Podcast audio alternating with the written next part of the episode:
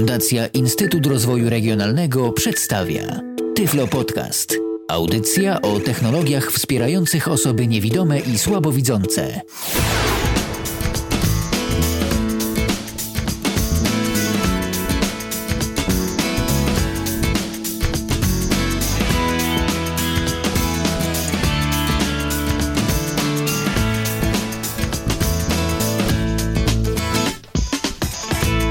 Radio N, słuchacie nas na www.radio.nfm i www.radio.npl. Mamy dziś poniedziałek, to dziewiąty dzień stycznia, minęła godzina 19. Dodajmy dziewiąty dzień stycznia nowego 2012 roku. Jak w każdy poniedziałek po godzinie 19 spotykamy się z audycją Tyflo Podcast w Radiu N, w której to rozmawiamy o tym wszystkim, co istotne dla osób niewidomych i słabowidzących. Co tydzień poruszamy jakiś interesujący temat. No, skoro rok 2011 już za nami, to nie sposób go w jakiś przynajmniej e, częściowy, spo, w jakiejś częściowej postaci nie podsumować e, pod względem tego, co dla osób niewidomych i słabowidzących było w tym minionym roku istotne. No i dziś będziemy takie podsumowanie sobie czynić. Witam e, dzisiejszych gości Tyflo Podcastu w Radiu N. Witam Michała Kasperczaka oraz Mikołaja Rotnickiego. Witajcie. Witajcie. Witam. Cześć. No i jak wam ten mm, zeszły rok minął? Tak zapytam, y, bo różne rzeczy się o tym obecnym roku słyszy, że to i koniec świata ma być i w ogóle takie pesymistyczne wizje co jakiś czas się tam pojawiają, a dla was miniony rok był jakimś takim rokiem osobiście udanym, czy z niecierpliwością jednak czekacie na to, co będzie w tym roku? Teraz kto ma, się, wydaje, że... kto ma się odezwać pierwszy? Dobrze, Mikołaj, proszę bardzo.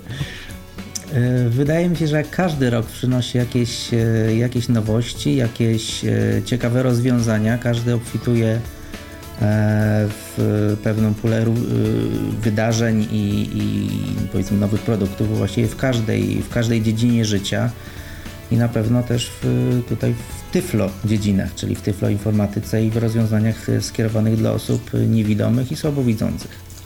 Myślę, że rok 2011 y, był to rok trochę pełen, pełen niespodzianek, to znaczy o tyle, że był to, jeżeli chodzi o Polskę i polskich użytkowników tyflotechnologii, był to pierwszy rok, w którym właśnie to jeszcze oczywiście dotyczy jeszcze wcześniejszego troszkę okresu, ale to był rok, w którym nie było programu yy, komputer yy, dla Homera, bo dopiero teraz pod koniec roku były realizowane wnioski, czyli dopiero teraz, niedawno, pod, koń, z końcem 2011 roku ludzie jakieś tam sprzęty podostawali i to na znacznie gorszych warunkach.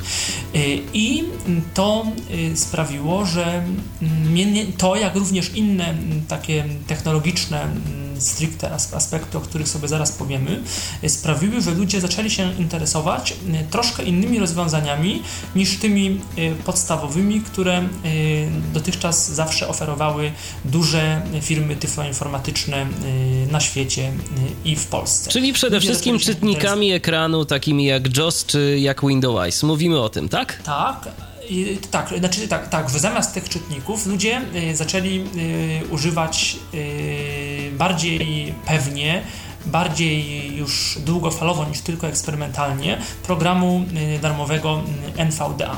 Jeżeli idzie o telefony komórkowe, troszkę za sprawą tego, że yy, Symbian no jeszcze do końca nie upadł, nie upada, ale, ale jest mnóstwo wątpliwości co do, mm, co do tego, jak ten Symbian będzie się rozwijał, czy programy typu Mobile Speak, Tox, abstrahując od ich ceny, nadążają, czy nie nadążają za daną wersją Symbiana albo yy, określonego telefonu komórkowego.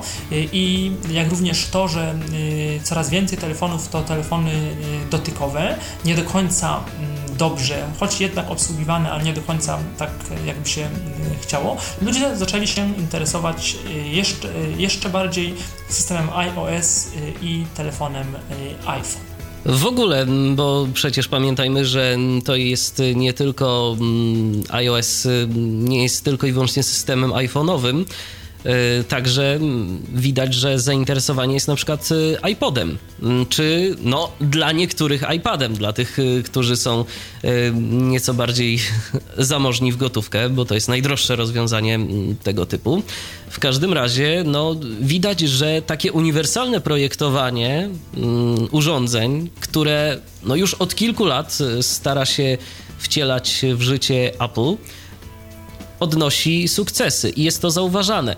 Tak y, no nie wiem, wy, wy, pamiętacie, kiedy taki boom się zrobił na mm, zagranicznym rynku, przede wszystkim na amerykańskim, na urządzenia Apple'a, na Macintoshe to jakoś tak y, chyba 2008 czy 2009? Na urządzenia mhm. urządzenia Apple w, właściwie w, od razu, w momencie, kiedy został w czerwcu 2009, 2009 e, roku ogłoszony e, iPhone 3GS e, i jakoś we wrześniu, czy chyba jakoś tak na jesieni już system iOS, który 4 chyba 0, który umożliwiał y, te, y, te funkcje dostępnościowe, został wprowadzony. Właściwie od razu pojawiły się podcasty y, na rynku amerykańskim i od razu ten system znalazł iluś entuzjastów. Ale tu mówimy znaczy, o, tu mówimy o, o systemie iOS, właśnie, bo jeszcze a tak, propos Maców, to my, a propos Maców, to my sobie jeszcze powiemy o takiej dosyć ciekawej tendencji. A tobie, Mikołaju, jak się wydaje, ty zauważyłeś, że coraz więcej osób y, niewidomych czy słabowidzących w tym roku, a właściwie w minionym już roku, sięga po iOS-a? Czy, czy nie bardzo? Y, ja bym nawet to rozszerzył w ogóle, bo powiedzieliśmy już tak szerzej o produktach Apple i, i tak naprawdę wydaje mi się, że to zainteresowanie mm, środowiska osób niewidomych i słabowidzących e, urządzeniach z logo nadgryzionego jabłka jest może nawet nieco wcześniejsze, kiedy e, w ogóle screen readery się pojawiły w, w Macach, czy, czy właściwie komputerach stacjonarnych i, i laptopach oferowanych przez Apple. I tak jak praktycznie w, przypadku każdego rodzaju sprzętu, no na początku to, jest, to są Stany Zjednoczone, tak? gdzie, gdzie ten sprzęt jest no najwcześniej dostępny, robiony przede wszystkim z myślą o e, Stanach Zjednoczonych, a dopiero później gdzieś o, o reszcie świata. I sądzę, że Apple y, ma taką w ogóle politykę, wiadomo, jest y, na samym początku zainteresowanie rynkiem Stanów Zjednoczonych, a dopiero jeżeli ten rynek już jest w jakiś sposób e, opanowany, to e, na samym początku przez e, moim zdaniem fanów i, i, i takich Apple maniaków rozprzestrzenia się to taką powiedzmy pocztą pantoflową do kolejnych użytkowników na całym świecie. I dopiero jeżeli w danym kraju, czy to już potem w Europie, czy tak, tak na przykład teraz w Polsce coraz więcej osób o tym zaczyna mówić, to za tym podąża firma Apple i, i, i zaczyna coraz bardziej poważnie traktować yy, kolejne, kolejne rynki. No, takim powiedzmy kluczowym przykładem było tutaj yy, w tym roku na pewno pojawienie się polskiej syntezy mowy już wbudowanej, dostarczonej razem z systemem e, operacyjnym na komputery stacjonarne z najnowszą wersją systemu macOS Lion.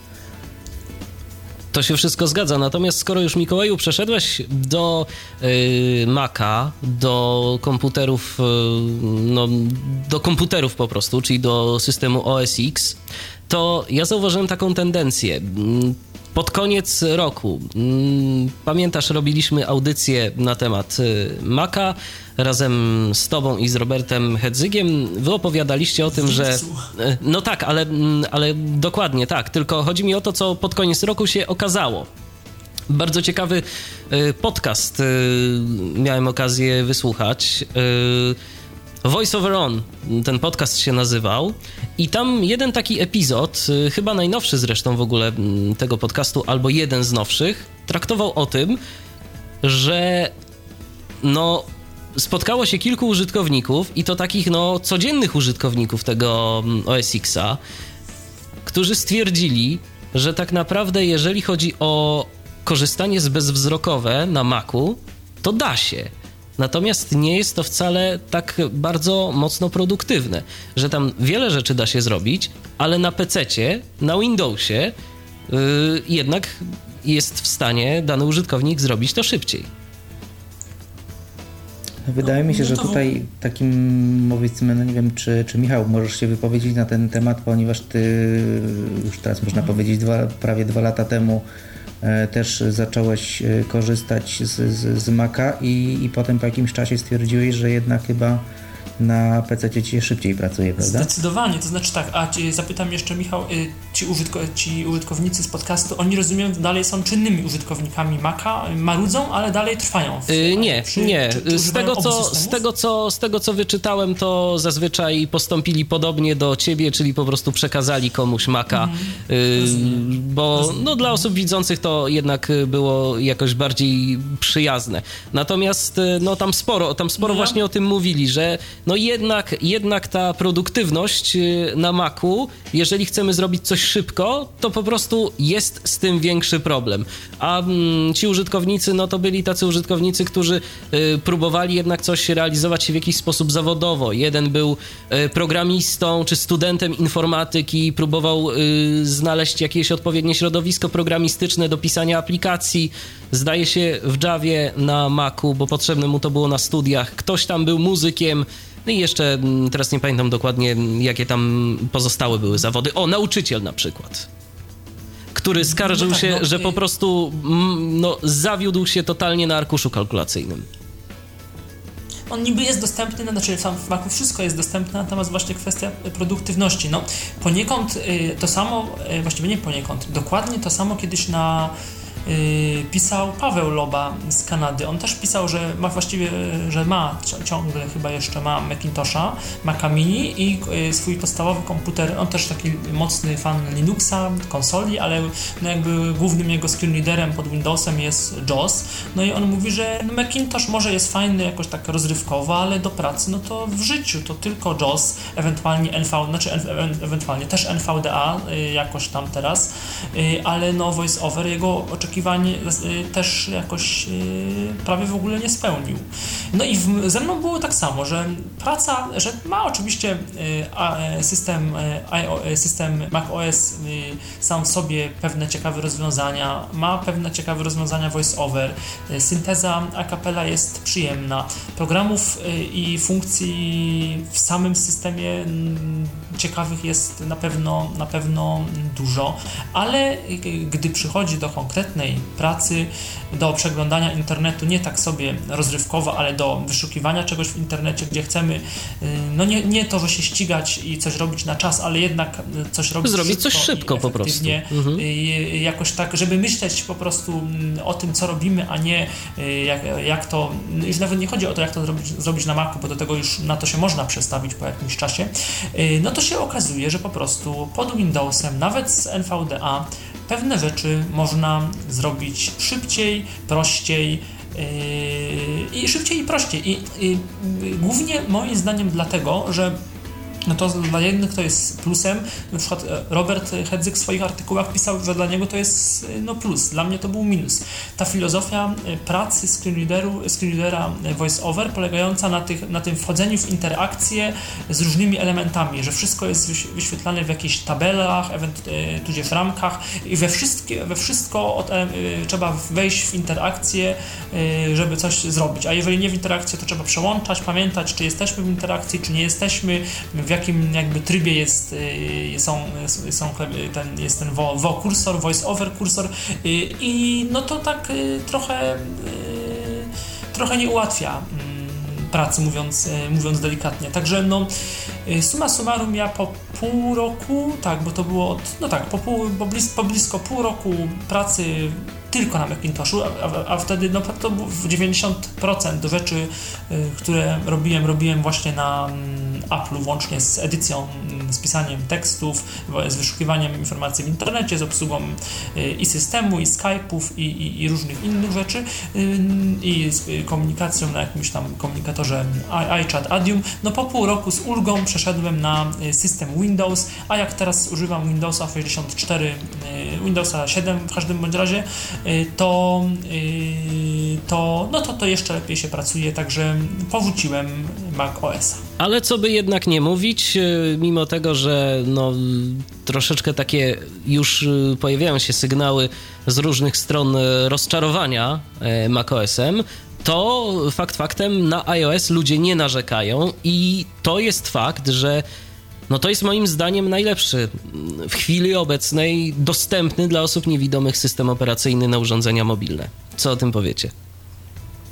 No tu mógłbym to potwierdzić, ponieważ yy, jeżeli powiedzmy porównuje się, czy w jakiś sposób nawet yy, czy, czy podcasty, które się słucha, czy to, o czym yy, piszą użytkownicy na forach, na tą chwilę najbardziej dopracowanymi właśnie urządzeniami yy, i systemem jednocześnie operacyjnym, bo w przypadku firmy Apple to urządzenia współgrają z systemem i system współgra z urządzeniem.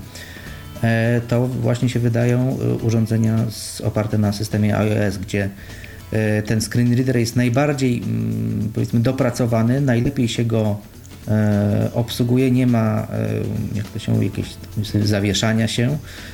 No i jest dostępny w języku polskim, ba, nawet można powiedzieć, że jest pierwszym screen readerem, który Y, został w ogóle y, puszczony na urządzenia z ekranem dotykowym, bo przypomnijmy, że ani iPod Touch, ani iPhone, ani iPad nie posiadają y, wbudowanej klawiatury. Dokładnie tak, no i przede wszystkim da się tego używać. Ja miałem okazję potestować sobie trochę Nokia E6. To telefon wyposażony zarówno w klawiaturę QWERTY, jak i dotykowy ekran i powiem szczerze, jak trochę pobawiłem się mm, tym telefonem, no ja bym sobie po tej zabawie mm, nie kupił telefonu z Symbianem. Czekam na iPhone'a w jakiejś dobrej ofercie. No tak, mhm. wszyscy zawsze mówią, że te sprzęty są, że te sprzęty są y, drogie, bo tak jak powiedziałeś, no bo niestety są. W dobrej ofercie, tylko y, warto by też zwrócić uwagę na tą rzecz, że to jest jednak y, chyba cena za którą, yy, za którą, się, którą się płaci, no za coś, co jest no, póki co na rynku najbardziej dopracowane, więc, yy, więc to jest na pewno zawsze, zawsze chciałoby się kupić go jak najtaniej, prawda? To znaczy, Ale wiesz, jeżeli... to oczywiście masz rację. Ja jeszcze a propos systemów operacyjnych yy, naprawdę żałuję, yy, bo dla tych, którzy chcieliby się pobawić, żałuję, że ten rok nie przyniósł jakiegoś przełomu yy, w udźwiękowieniu Androida zapowiadało się nieźle, ale dla nas, no, znaczy to, nadal no, rewelacji nie ma. Nie. Czekamy, no właśnie. Czekamy ciągle na, na, na Mobile Accessibility po polsku. Y, wiem, że z Altixu wiem, że prace trwają, prace trwają, ale po czyjej stronie, czy Code Factory, czy, czy po prostu Altixu, pojęcia y, nie mam. Yy, tam w ogóle, czyli jeżeli już tak skaczemy i mówimy, mm, bo tak jeszcze o, iOSie, zapomnę istotne, znaczy to, to, jest też poza tym, że to są, to są urządzenia dotykowe i po polsku, to jest też pierwszy system, który, y, znaczy pierwszy, tak, pierwszy system, który od razu w sobie no, zawiera tą i syntezę, i udźwiękowienie, i obsługę y, urządzeń, y, linijek brajlowskich, również polskich skrótów brajlowskich. Troszkę to kuleje, ale podobnież działa całkiem nieźle, także to jest też coś bardzo ciekawego, czego żaden Mobile Speak Talks w ogóle nie ma i poza JOSem też inne screen readery póki co jeżeli chodzi o polskie skróty, tego nie mają. Także e, Apple e, bardzo kompleksowo do, do, do tych funkcji dostępnościowych e, pod, podchodzi. Jeżeli a propos jeszcze cen kupimy taki produkt Apple'a, no to w każda aktualizacja mm, iOS-a, no to jest od razu aktualizacja y, albo nowe funkcje screenreadera, albo przynajmniej nie nowe funkcje, ale to, że ten screenreader voice over pod iOS no, będzie działać mm, poprawnie, a szyb, jakieś tam błędy, które często się zdarzają, są szybko jednak poprawiane i to pod tym względem Apple no, nie ma sobie równych. Dokładnie, no ile się słyszy problemów, że jednemu na danym telefonie coś działa, mowa o telefonach y, symbianowych, y, a drugiemu coś nie działa. No się okazuje, że jakaś inna wersja oprogramowania, inna wersja firmware'u, czy nawet różni się to w zależności od modeli telefonów. Tak, właśnie, no Michał, jest, ty jest... Mhm. też powiedziałeś właśnie o, o, o, tej kwestii, że y, tak jak na Symbianie mamy różne modele telefonów, różne modele Symbianów, ale ja właśnie tutaj widzę, że jest takie zagrożenie a propos Androida, bo mówimy Android, tak? Mówimy iOS właśnie. i mówimy Android. iOS jest, jest zawsze jeden iOS jest y, jedną wersją, oczywiście cały czas uaktualnianą i jest dostępna w miarę obsługiwane na wszystkie urządzenia, czyli na iPada, na iPhone'a i iPoda Touch. A Android jest właśnie y, systemem, no oczywiście jest systemem otwartym w przeciwieństwie do, do, do iOS-a. No ale y, to rodzi ze sobą właśnie ten problem, że przez to, że jest to oprogramowanie otwarte, czyli open source, każdy z producentów bierze sobie tak, taką sobie podstawową wersję tego Androida i coś w nim zmienia, tak? I potem się okazuje, I często może zmieniać na gorsze. Często może zmieniać na gorsze. tak. Ale co, co, co ważniejsze też może się okazywać i okazuje się yy, właśnie, użytkownicy na to niestety narzekają, że powiedzmy aplikacja, którą chcą sobie zainstalować z Android Marketu yy, jest yy, no, dostępna na Androida, na daną wersję, ale się okazuje, że albo ich telefon ma starszą wersję Androida i nie będzie miał nowszej, bo już producent tego nie przewidział, albo może mieć nawet tą samą wersję Androida, ale się okazuje, że wersja Androida na przykład na, na telefon Sony została tak, tak zmieniona, że ta aplikacja no niestety nie będzie chodzić i jest problem. No niestety, takie to są, są takie to są minusy tej otwartości. Tak, są jeszcze modyfikacje czasami Androidów y, takich stricte przez y, z jednej strony producenty telefonów, z drugiej strony przez operatorów dochodzą też modyfikacje i no, no jest, to, jest to problem, jeżeli się spojrzy na listę kompatybilnych telefonów z Mobile Accessibility na stronach Code Factory, no to się okazuje, że no tam jest, jest tych telefonów y, masa, generalnie mówi się, że od Androida 2, 2.2, najlepiej 2.3 wszystko powinno być dostępne, powinno być czytane, ale tak y, jak, jak się na tą, tą listę spojrzy, no to jest masa telefonów, w których w ogóle y, konkretnych modeli albo tak, tak, modeli, których w Polsce w ogóle na przykład nie ma, więc jeżeli się poszukuje, poszukuje informacji jak na przykład Mobile Accessibility działa z jakimś telefonem, no to często zagraniczni użytkownicy może, może się okazać, że używają takich telefonów, których na przykład u nas niestety nie ma. I także kupujemy telefon z Androidem, no jeszcze najlepiej z klawiaturą QWERTY, a tych telefonów też nie ma za dużo z fizycznymi klawiaturami, bo jednak y, do tego, do, do tego Mobile Accessibility taka klawiatura QWERTY mm, jednak byłaby, byłaby zalecana i ten joystick, no to się okazuje, że no to okazuje się, że tak naprawdę jak na nasze polskie warunki, to jeszcze nie wiemy, nie wiemy co, y, czy to będzie działało dobrze co kupimy tak naprawdę. Więc była, była mm, dobra informacja a propos tego, że no, będzie ten Android udźwiękowiony w tym roku, no, właściwie w, w roku minionym. Jeszcze się nie przestawiłem na y, nowy kalendarz, ale w każdym razie była na razie dla Polaków niespecjalnie E, są to informacje pozytywne. E, można do nas dzwonić oczywiście, można dzwonić i informować o tym, co wam się podobało w minionym roku, czy was może coś ucieszyło, rozczarowało. tyfolowpodcast.net 223988027 wewnętrzny 938 to jest nasz numer telefonu. Mówię o tym dlatego, bo nawet jeszcze nie zdążyłem podać tej informacji, a mamy już pierwszy telefon. Janusz się do nas dodzwonił. Witaj Januszu. Witam.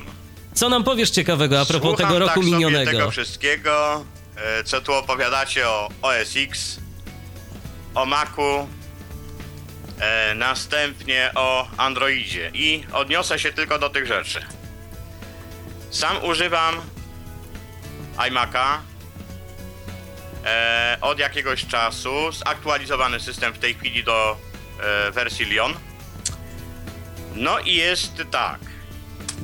Wcale nie jest tak źle, jak Michał tam usiłuje pokazać, aczkolwiek nie należy to do łatwych rzeczy. Żeby, żeby jakoś sprawnie posługiwać się e, screenreaderem na Macu, no jest problem. Problem polega na tym, że trzeba od cholery skrótów klawiszowych poznać. Januszu, a ja mam pytanie do ciebie, takie, tak? takie bardzo podstawowe. Jak rozumiem, tak?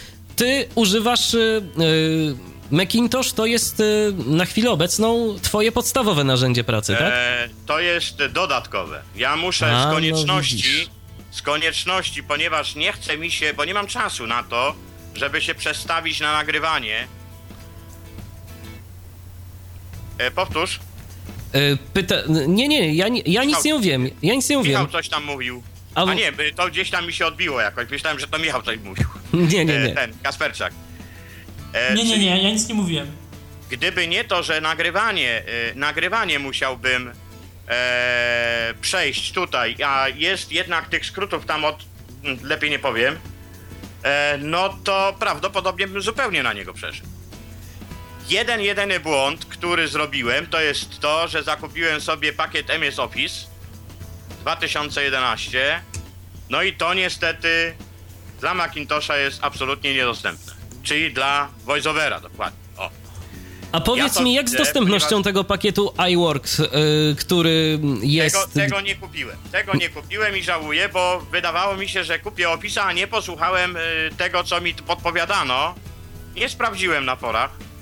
No i wyszło na to, że napisać mogę, ale chcąc przesłuchać tego i obejrzeć na linijce brajlowskiej, czy też y, sprawdzić wszelkiego rodzaju błędy za pomocą syntezy mowy, no to jest niedostępne. Taka jest Rozumiem, prawda. rozumiem. Czyli ty y, raczej zaliczysz się do tych zadowolonych użytkowników. Tak, nie narzekam.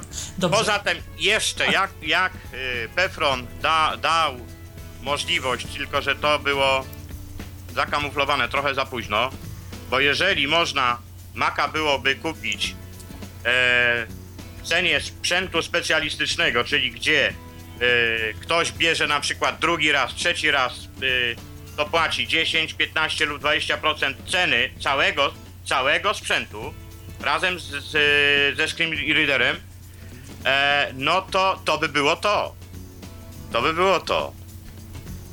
A Januszu, tak, tak jeszcze zapytam a propos no, zupełnie innych rzeczy. Po prostu, co, co dla ciebie było takim y, najistotniejszym wydarzeniem z tego tyfloinformatycznego punktu widzenia w minionym roku? Bo tak sobie podsumowujemy wszyscy tu ten rok 2011, to, to co dla ciebie mm, takim Zaraz czymś do tego, szczególnym do tego było? przejdę, tylko jeszcze do Androida, ponieważ Dobrze. padło tutaj sprawa Androida i że e, sprawa leży czy po stronie Altixu, czy Code Factory, no to powiem wprost, Code Factory.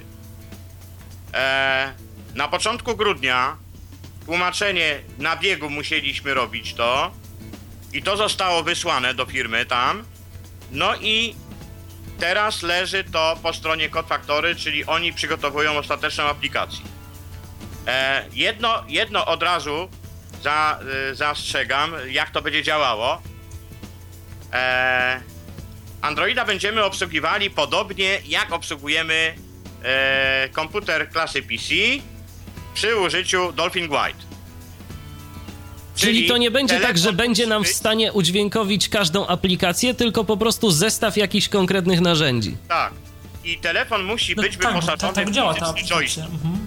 fizyczny joystick. Jeżeli joysticka nie ma, nie ma mowy o tym, przynajmniej na, na dziś, tak widziałem y, na Code Factory, nie ma mowy o tym, żeby, żeby można było z tego korzystać. E, cena tego będzie gdzieś, ja wiem, około 450 zł. To tak mówię około, bo ja po prostu nie pamiętam dokładnie ceny, ale chyba około 450 Synte- zł udźwiękowienie tego w ten sposób. Mhm. I synteza, nu, nu, nuance, tak? Tak. Real speak. Tak. Okej. Teraz co ja w y, odniesieniu do roku bieżącego? Hmm. Poprawa może tego, co używam, czyli nawigatora. Wreszcie zmiany. Jeszcze nie takie, jakbym chciał, no ale to się rozwija. Eee, to się rozwija. Następnie z nowości. No, dla słabowidzących, no sporo różnego rodzaju, różnego rodzaju powiększalników się pojawiło niby. E, widać, że tutaj coś, coś e, usiłują robić w tym zakresie te, y, te, y, ci, którzy produkują to. No, ale czy to jest to? Ja jestem najbardziej, mówię, zafascynowany na dzień dzisiejszy tym, co robi firma Apple. No i, i, i, i po prostu nic więcej powiedzieć nie mogę. Dobrze, Januszu, to bardzo JOS ci... wersja 13, o, to jest jeszcze też to, y, bo to sprawdziłem. Całkiem, całkiem. Jeżeli to będzie już spolszczone, to naprawdę dobre narzędzie. No ale Do tego jeszcze pewnie trochę czasu przyjdzie nam poczekać. no gdzieś 2-3 miesiące może. Rozumiem. Dobrze, Januszu, bardzo ci dziękuję serdecznie tylko za telefon. mam- O, jeszcze Michał, Ja co mam byś chciał zapytać? Drob, drobniutkie jedno pytanie, yy, właściwie dwa pytania. Tego Androida, yy, rozumiem, go widziałeś w działaniu, tak? I on, znaczy słyszałeś, i on, jak on tak, yy, obsługa taka przyjemna, to znaczy szybkość reakcji programu, To stabilność, znaczy, jakaś taka... powiem tak, ja go miałem przez, y, przez chwilę, dokładnie, także A, trudno mi rozumiem. powiedzieć, wiesz, jak to jest. No bo, bo Mhm, rozumiem. Trzeba by się tym trochę pobawić, no, nie no, mam na razie możliwości. Mhm. Rozumiem. I jeszcze na koniec, yy, czyli bo tak mówiłeś dobrze o tym Apple'u, co oczywiście, co oczywiście przyjmuję, rozumiem, ale yy, gdybyś mógł w swoim miejscu pracy yy, sobie y, y, przestawić się na Apple'a, to rozumiem, żebyś to zrobił. Zrezygnowałbyś tak. Y, z JOSa, z NVDA i pracowałbyś na Apple'u. Tak. Rozumiem. tylko musiałbym się wyposażyć właśnie w tego e-worksa, no bo, no bo kupiłem pakiet Office, a to no niestety z jakiegoś powodu nie ma skryptów mhm. dla A rozumiem, że sa, sam, y, bo głównie chodzi pewnie o arkusz, bo do edycji pewnie tekst edit podejrzewam, że wystarczy. To by wystarczy, mierze. to by wystarczy, bez pewności. Natomiast arkusz, no arkusz rzeczywiście, to to tak, mhm, prawda. Dobrze, zatem ja, Januszu, dziękuję Ci bardzo za telefon. Do usłyszenia. No i miejmy nadzieję, że również dla Ciebie ten nowy 2012 rok będzie, będzie dobry. 223988027 wewnętrzny 938 to jest nasz telefon. Można dzwonić, można dzwonić także na Skype'a tyflopodcast.net. Tu nas znajdziecie.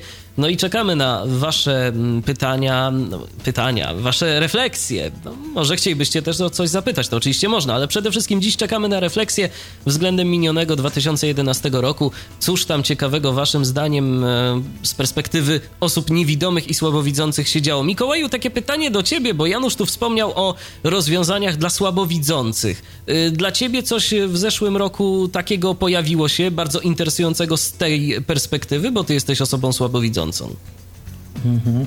E, dla mnie może nie za koniecznie, ale bym powiedział o pewnych e, usprawnieniach, które się drobnych, bo drobnych, ale pojawiły się w najnowszej aktualizacji tego systemu Lion, macOS Lion. E, a mianowicie poprawiono w przypadku obrazu powiększonego, poprawiono wygładzanie ekranu, czyli wygładzanie czcionek bo ja y, w przypadku, w zeszłym roku miałem okazję o tym troszeczkę tak powiedzieć, ten ek, ek, ekran y, powiększony, obraz powiększony na ekranie, e, on dostaje w standardzie taką powiedzmy tak zwaną pikselozę, to się mówi, czyli pewne takie piksele się większe pojawiają, a tutaj w najnowszej wersji Liona poprawiono to e, w przypadku obrazu powiększonego. Ten e, powiększony obraz jest nieco bardziej wyrazisty jak również y, chyba płynność i zachowanie się y, całego, całego, całego systemu w przypadku używania powiększonego ekranu i jeszcze jedna rzecz, kursory y, powiększone, czyli takie bardziej kontrastowe kursory też lepiej wizualnie dla mnie wypadają właśnie w Lionie niż w przypadku poprzedniej wersji systemu tego Snow Leopard. Tak, w tym wyjściu tak, mówimy sobie przede wszystkim o Macu, ale także zahaczamy o urządzenia mobilne, o telefony komórkowe. To jeszcze Was zapytam, co dla Was y, oznacza, tak zbaczając już y, z tematu nadgryzionego jabłka, ale gdzieś dalej pozostając w tej mobilności, co dla Was oznacza pojawienie się Nokia Screen Readera? Co to może wnieść w tym roku? Bo pojawił się Jakoś tak no, pod koniec 2011 roku mm, pojawiły tak. się informacje i sam program zresztą też już jest dostępny. Ja może powiem, bo tak w sumie tak mówimy Nokia Screen Reader, może ktoś nie wie, nie wie do końca co to jest. Otóż pojawił się program y, jeszcze nie po polsku, nie w polskiej wersji językowej i nie, y, niestety on tylko z tej, z tej racji działa z angielską syntezą, więc to może być jakiś tam problem w odczytywaniu nazw kontaktów albo SMS-ów, ale jest program, y, który się nazywa Nokia Screen Reader i jest to w uproszczeniu, jest to po prostu okrojona wersja programu Mobile Speak. E, jeszcze, nie, jeszcze mi się nie udało jej testować. Ona w chwili obecnej działa tylko na Nokii C5 i C500, C5 005 megapikseli oraz na Nokii, teraz żebym się nie pomylił, 701 i chyba 700, czyli na tych najnowszych y, dotykowych dwóch Nokiach i na tej klasycznej Nokii C5 z, y, z normalną klawiaturą. Natomiast y, wiem, że program mm, stopniowo ma działać na wszystkich albo na prawie wszystkich tych w miarę nowych Nokiach, tylko nie wiem, wydaje mi się, że to potem będzie jakoś tak wplecione w nowe wersje, w aktualizację Symbiana. Być może nawet już to od razu będzie w systemie i być może tym samym Nokia która skąd inąd wcześniej miała w swoim sklepie i kanał z aplikacjami, właśnie kanał Accessibility i jakieś tam czyniła różne kroki dostępnościowe, tak trochę niemrawo i trochę, bo one były takie, takie rozproszone i też mało Nokia się tym jakoś tak chwaliła, mam wrażenie. Nie było to doceniane przez y, użytkowników y, niewidomych, słabowidzących. Niemniej, niemniej Nokia ciągle, ciągle coś w tym kierunku robi i no będzie, na pewno, na pewno będzie podcast Rafała Kiwaka, który testuje Nokia Screen Reader i będzie mógł go z Mobile Speakiem porównać na, do dotykowej właśnie Nokia 701. Natomiast z tego, co on mi mówił, to ten program y, to jest jakieś 70-80% y, funkcji właśnie Mobile Speaka. Czyli no w zasadzie większości ludziom wystarczy, podejrzewam. No to I teraz. Co to oznacza? No, no właśnie. Oznacza to tyle. Dla mnie oznacza, ja mówię, jeszcze nie testowałem, ale akurat tak się dobrze złożyło, że no od, od niedawna mam Nokia właśnie C5 y, i Niedługo mi się kończy okres testowy wersji Mobile Speak. Zainstaluję sobie na, na, na, miesiąc TOX, no i potem musiałbym zakupić któryś z programów. Yy, na przykład, no i wcześniej miałem TOXa, więc upgrade do TOXa to jest 350 zł. No a sobie zainstaluję yy, Nokia Screen Reader, przełączę się na angielski język i podejrzewam, że zostanę przy tej Nokia Screen Reader. Chyba, że. No pytałem też Rafała, na ile jest responsywny program, jak szybkość reakcji i syntezy na naciskane klawisze albo na dotykowe gesty. Mówił, że w porządku, że nie ma problemu, a akurat wierzę Rafałowi, yy, liczę się z jego zdaniem co do komputerów, telefonów, także jak on tak mówi, to raczej tak, tak jest. Używa dużo telefonu, szybko pracuje na tych różnych urządzeniach i, i raczej jest no, osobą, osobą zaawansowaną efektywnie tego używającą, więc, więc myślę, że myślę, że tak po prostu jest. Więc oznacza to tyle, że, że nie będziemy musieli kupować y, mobile speaków ani toksów być może. To ja mm, takie proroctwo rzucę na może niekoniecznie jeszcze ten rok, ale na kilka najbliższych lat. Y, jestem ciekaw, co wy na ten temat powiecie.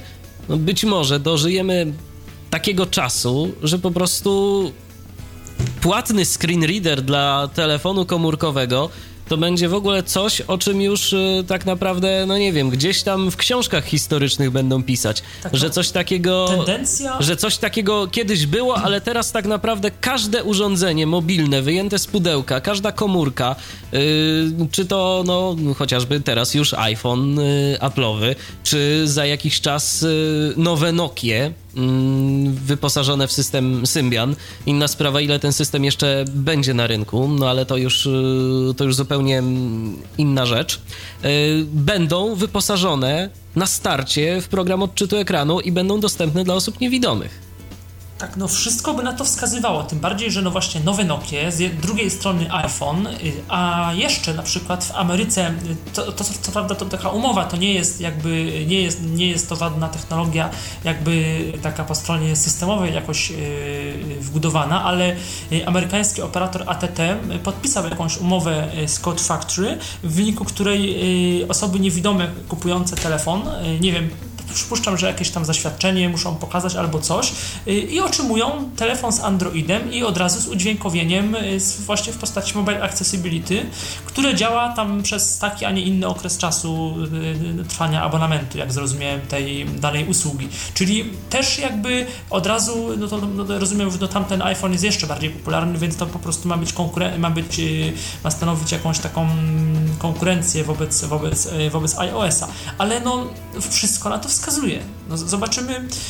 No bo ciągle, gdyby, o, gdyby ten Mobile Speak albo Tox jeszcze kosztował 400 zł, 500, tak jak no, mówi się o tej aplikacji androidowej, tej, tej właśnie Mobile Accessibility, no to jeszcze, no ale 900 zł, 1000 no to już są, to już są dosyć duże kwoty, a bez dofinansowania, no ciężko sobie na to pozwolić. A tak jak powiedzieliśmy na początku y, tej audycji, użytkownicy niewidomi zaczynają pomału szukać rozwiązań alternatywnych y, z racji tego, że nie wiadomo, co tak naprawdę będzie działo się dalej z programami celowymi, takimi jak komputer dla Homera. Y, może się okazać, że po prostu w pewnym momencie kurek z kasą zostanie przykręcony i to dosyć mocno, no i co? I problem nam się pojawi. A tobie, Mikołaju, jak się wydaje? Jak to będzie z tymi screen readerami mobilnymi? Doczekamy się no, takich w pełni darmowych na wszystko? Y, no powiedziałeś, y, czy, czy w pełni darmowych się właśnie zacząłem tak zastanawiać, ponieważ yy, pytanie jaka jest cena ewentualnie tych urządzeń, na których taki Nokia Screen Reader yy, chodzi, bo temu się akurat w przypadku Nokii nie, w tej chwili nie przyglądałem. Yy, natomiast do tej pory to wyglądało tak, że mieliśmy no, w miarę już, w miarę, może nie, nie, nie mega tani telefon, tak, do, do, do wyboru, na który mogliśmy sobie doinstalować co prawda płatny screen reader, i teraz no pytanie, ile taki telefon z już zbudowanym screen readerem e, będzie kosztował, bo w przypadku iPhone'a no to już są jakieś tam pieniążki, no ale mamy w ramach tego naprawdę dobry telefon, dobry system i, i w ramach tej ceny mamy również y, screen readera, tak? Jak to będzie ale w przypadku Nokii? Nie do końca się zgodzę, że mega tani telefon. Te telefony były tanie głównie dlatego, że one były od operatora kupowane. Natomiast jakbyś tak, jakby tak e, portfolio Noki sprawdzić, to zawsze screenreadery były instalowane na smartfonach, które zawsze były droższe od zwykłych Noki. Na pewno. Te Nokie nigdy ale... nie były takie tanie ale y, bardzo tanie, tak nie powiedziałem, że jakoś y, niesamowicie tań, tańsze niż zwykły telefon po prostu. To tak, tak? od 500 zł wzwyż. Natomiast pytanie, jakie, jakie są w tej chwili, bo nie przyglądałem się temu, jakie są ceny tych telefonów mhm. Nokia no, właśnie 700 Nokia, Nokia... C5, Nokia C5 y, kosztuje 5, około 500 zł, natomiast nie wiem, te Nokia 700 to są nowe telefony, one nie są bardzo drogie, bo generalnie z tym systemem Symbian Bell, one to takie, te telefony Nokia postawiła na, to znowu na konkurencję gdzieś tam sam Samsungiem i HTC, którzy, którzy robią masowe telefony dotykowe z GPS-ami i z Wi-Fi, ze wszystkim właściwie. Mi się wydaje, że one też tak kosztują jakieś, no może 700-800 zł, najwyżej, ale jeżeli się mylę, to, to przepraszam, bo teraz tak, tak mi tylko się wydaje, tak też mm. pamiętam. No to w, w, takim układzie mogę powiedzieć, że no, będzie to na pewno jakaś alternatywa, ale yy, patrząc tak na rozwój rynku, to cały czas widać, że to właściwie wszyscy i androidowe rozwiązania i Nokia cały czas gonią Apple'a. Że Apple jednak wyznacza gdzieś ten standard, bo tu już mamy Apple'a i mamy wszystko po polsku, tak? A Android dopiero co będzie po polsku. Z Nokią Screen jeszcze nie wiemy a, a Apple jest jednak dostępny tam w tych 30 paru językach, więc. No tak, tylko że. Ileś... Tylko Mikołaju, tak y, porównując sobie y, cenę Nokii C5, a na przykład y, iPhone'a, to jeżeli będziemy mieć do czynienia z udźwiękowionym po polsku tym programem Nokia Screen Reader, no to ewidentnie korzystniej wypadnie nam ta Nokia C5. Tak, tak, tak ale pytanie, też... pytanie jest takie, kiedy ta Nokia będzie po polsku, to jest raz. A dwa, jeżeli ona już będzie po polsku, tak, y, ten screen, Nokia Screen będzie po polsku, to pytanie, co za tą cenę, o, o wiele większą oczywiście, już Dostajemy. będzie nam w stanie oferować y, iPhone, Właśnie, który teraz już bo... Y, oferuje nam nawet ten mm, powoli interfejs głosowy, tak, czyli wy, wy, wydawanie komend, no tak, sterowanie telefonu. Ja szczerze, po, ja szczerze powiedziawszy, nie wiem, czy ktoś z Was ma jakieś większe doświadczenie z kwestią aplikacji na Symbiany. Są przecież te sklepy Nokiowe. Michał, ty trochę tam się bawiłeś. Jak to, jak to tak, wygląda? To Ty korzystasz z tego? Znaczy, działa to jakoś? Za, du, za, za, dużo, za, za dużo nie powiem. Od razu tutaj znowu się odwołam do naszego specjalisty Rafała Kiwaka, którego pewnie kiedyś zaprosimy i dłużej o tym będziemy Może Rafał do nas zadzwoni. Jeżeli słucha, to prosimy o telefon, y, Rafale. Y, y, natomiast y, z tego co wiem, to y, no i to jest właśnie kolejny, kolejny ja, tak, ja tak mówię, jakbym był, ja nie używam, używam Symbiana i będę używać, na pewno Symbiana się na iPhone'a nie, nie, nie przerzucę, natomiast yy, natomiast no, co by nie mówić, ten iOS to jest yy, no, wspaniały system, to mówię tak teoretycznie, ale, ale tak po prostu jest, natomiast te aplikacje Symbianowe, yy, nowe przynajmniej, często w jakimś tam Qt, w Javie pisane, w czymś tam innym, one są częstokroć w ogóle niedostępne, tam Nokia, y, te, te nowe Nokia mają w systemie już dużo fajnych fajnych usług, takiej integracji jakiejś tam społeczności, Twitterów, Facebooków, jakieś mapy, y, coś tam. W dużej mierze, czy ten Nokia Ovi Store, ten sklep y, z aplikacjami, z tego co wiem, w dużej mierze to jest niedostępne. No bo y, Niestety. wiesz, o co, się, bo wiesz o co mi chodzi. jakimiś e, innymi aplikacjami innych firm darmowymi. No trzeba tego trochę kombinować, szukać. No właśnie, rękę. no właśnie o to mi chodzi. No tak o to mi chodzi. To a y, kwestia, a przecież instalacja jakiejkolwiek aplikacji na y, iPhone'ie czy w ogóle na jakimkolwiek urządzeniu wyposażonym w iOS-a, no to jest po prostu wejście do App Store'a, y, podanie mm, swojego loginu, hasła, wyszukanie tej aplikacji, kilka puknięć w ekran i już. I mamy aplikację zainstalowaną u nas.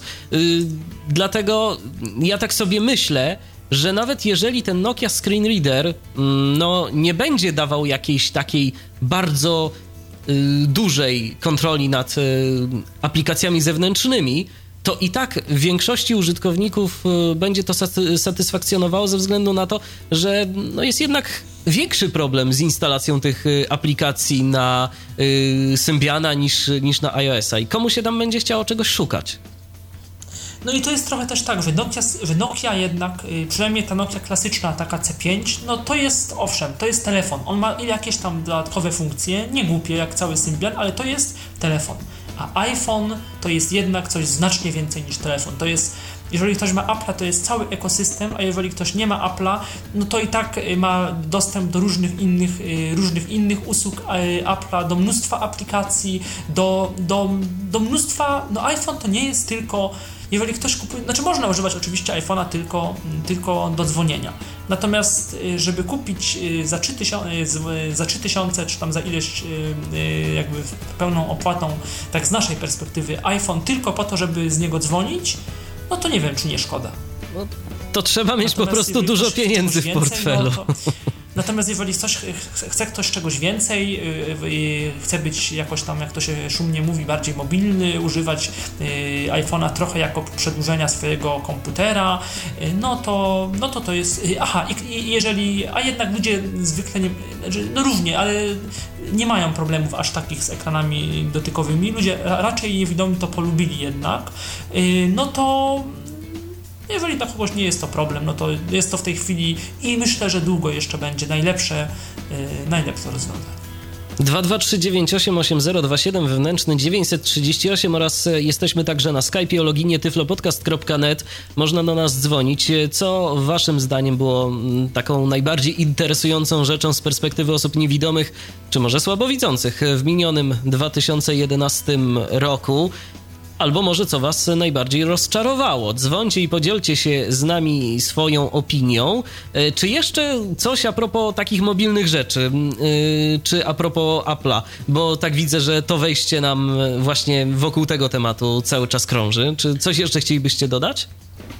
Tak, ja bym dodał taką rzecz może, która jest nieco spoza świata osób yy, niewidomych i słabowidzących tych udogodnień, ale niemniej jednak potwierdzającą coraz większe zainteresowanie firmy Apple tutaj polskim rynkiem. Po pierwsze udostępnienie sklepu muzycznego iTunes Store w Polsce, yy, tylko powiedzmy może czekać, aż będziemy audiobooki tą drogą sobie kupować, tak?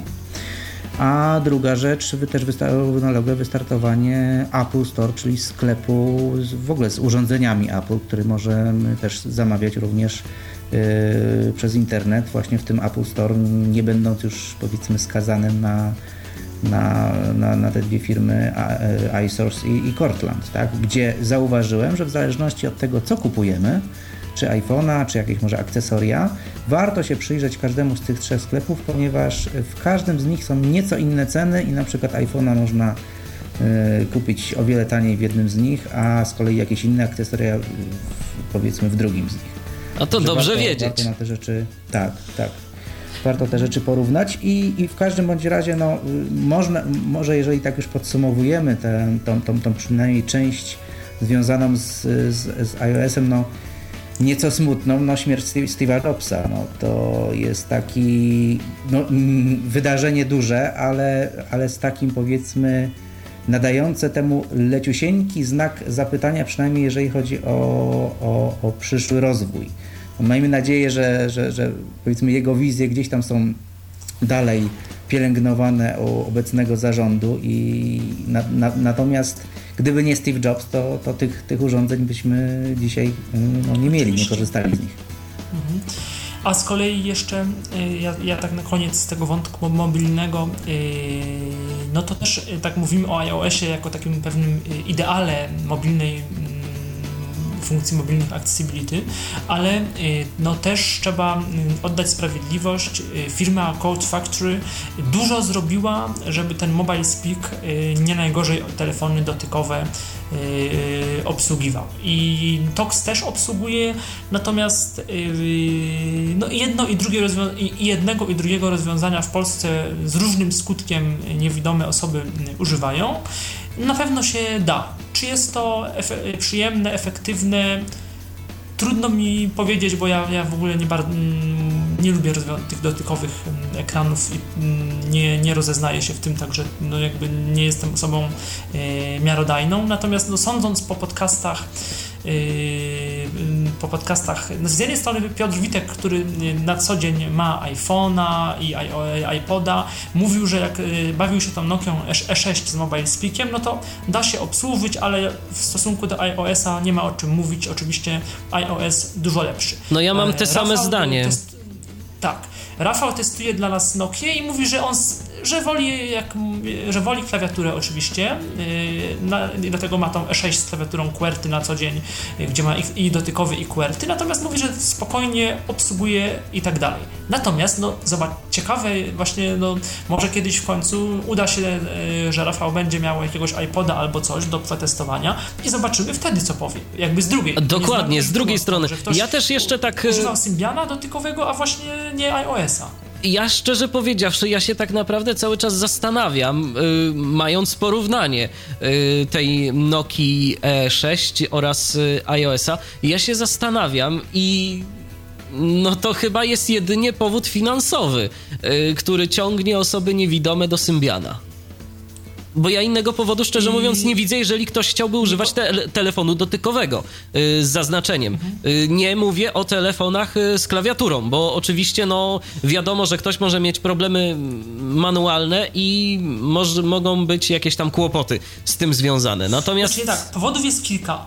Pierwszy powód to jest oczywiście e, cena, że na przykład nawet, no to jest normalnie to jest drogo u operatora, jakieś tam 500-600 zł za, e, za jakieś le, jakąś lepszą Nokię, ale iPhone z reguły jest drożej, bo to jest jakieś tam 1000 zł, 900, no oczywiście może być mniej, może być dużo więcej, e, ale no tak mówię, mówię tak średnio, jak to, jak to wygląda brak e, e, no, przywiązania do pewnych, do, pewnych zwyczy, do pewnych aplikacji, brak, e, brak Loadstone'a, którego jednak dużo niewidomych A to używa. jest tak, to, dla, to, dla niewidomych to jest ważna aplikacja. To się zgadza. Akurat jeżeli chodzi o Loadstone'a, to muszę się zgodzić. Dobrze, że o tym powiedziałeś, bo, bo to jest ważne.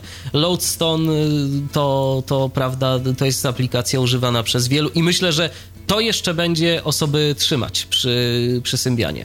Natomiast tak, pytanie... Jest Natomiast pytanie, jak Jednak na przykład z dotykowym ekranem to wygląda w ogóle, korzystanie z takiego Loadstona. Ale dobrze, bo mamy telefon, słuchajcie. Mm, kogo witamy po drugiej stronie? Halo? Y, witam, Patryk z tej strony. Słychać mnie dobrze? Słychać cię, Patryku. Przycinasz się troszeczkę, ale no jakoś sobie myślę, że spróbujemy z tym poradzić. Słuchamy cię. Y, to znaczy tak, ja chciałem tutaj powiedzieć, co mnie zaskoczyło w tym roku, bo tutaj wszyscy rozmawiają o, y, o tematykę telefonów, poruszają i tak dalej.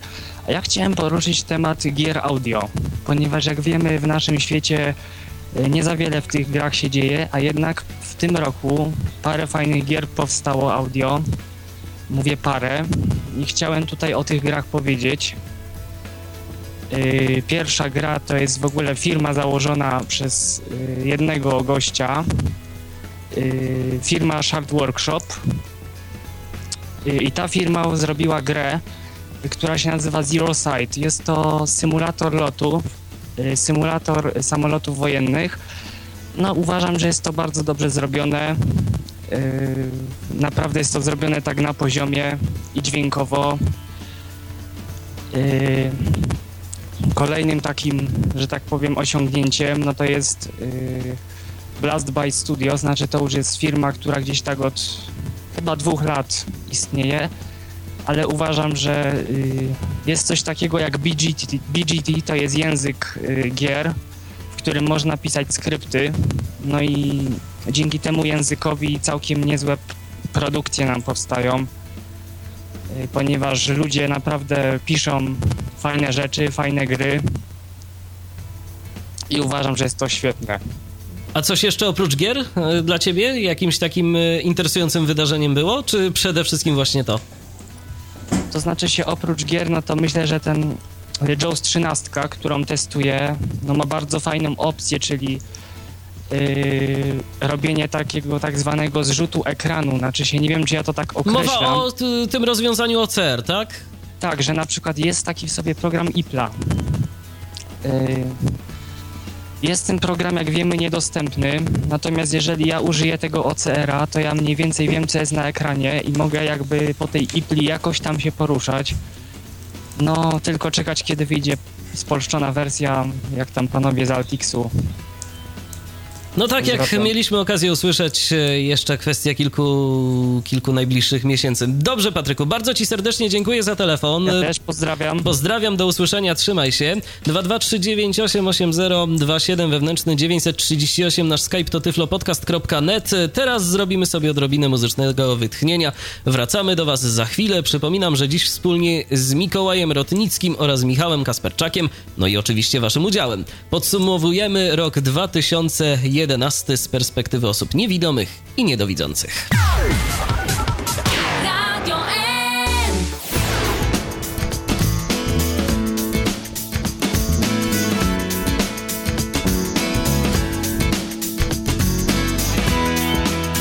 No to już do Was wracamy. Przypominam, że to jest audycja Tyflo Podcastu w Radiu N. Dziś podsumowujemy rok 2011 pod względem tego, co istotne było dla osób niewidomych oraz słabowidzących. Dziś rozmawiam e, o tym wszystkim z Mikołajem Rotnickim i z Michałem Kasperczakiem. Czekamy na Wasze telefony 223988027 wewnętrzny 938. Nasz Skype o loginie tyflopodcast.net jest również do Waszej dyspozycji. E, Patryk zadzwonił przed momentem i powiedział o tym, że dla niego mm, takim wydarzeniem minionego roku było kilka gier. A co powiecie na temat y, gry, która mm, Zresztą w minionym roku była mm, bohaterem jednego z odcinków Tyflo Podcastu w Radio N, czyli gry 1812 Serce Zimy. Mikołaju, przede wszystkim do ciebie to pytanie, bo tak jak rozmawialiśmy, y, to ty sobie pograłeś, a Michał Kasperczak to poważny człowiek i on się grami nie zajmuje. Więc ty sobie pograłeś, więc może kilka słów wrażeń mm, mm, twoich. Tak, jako że od tego roku też jestem użytkownikiem e, systemu iOS akurat na iPadzie, to jak tylko pojawiła się informacja o grze Serce Zimy, jeszcze chyba w momencie, kiedy pojawiło się na początku e, tylko takie demo, czy taki, taki preview tej gry do zainstalowania, e, od razu za, odpaliłem sobie aplikację e, App Store i, i zainstalowałem tą grę. I Ku mojemu zaskoczeniu właśnie gra została zrobiona w taki sposób, że można ją obsługiwać, a właściwie na, nawet należy obsługiwać ją zupełnie bez screenreadera, czyli gra sama w sobie jest, można powiedzieć, z perspektywy osoby niewidomej, ale również i słabowidzącej, taka samowystarczalna ma swoje specjalne gesty, którymi, którymi możemy nią sterować. I yy, sprowadza się ona właściwie do mm, z jednej strony takiego, można by powiedzieć, porównać to do takiego audiobooka, którego sobie słuchamy, natomiast yy, mamy wpływ na akcję, która się tam dzieje, czyli yy, lektor, a tutaj w tym przypadku Piotr Frączewski, który większość kwestii wypowiada i jest narratorem w całej tej historii.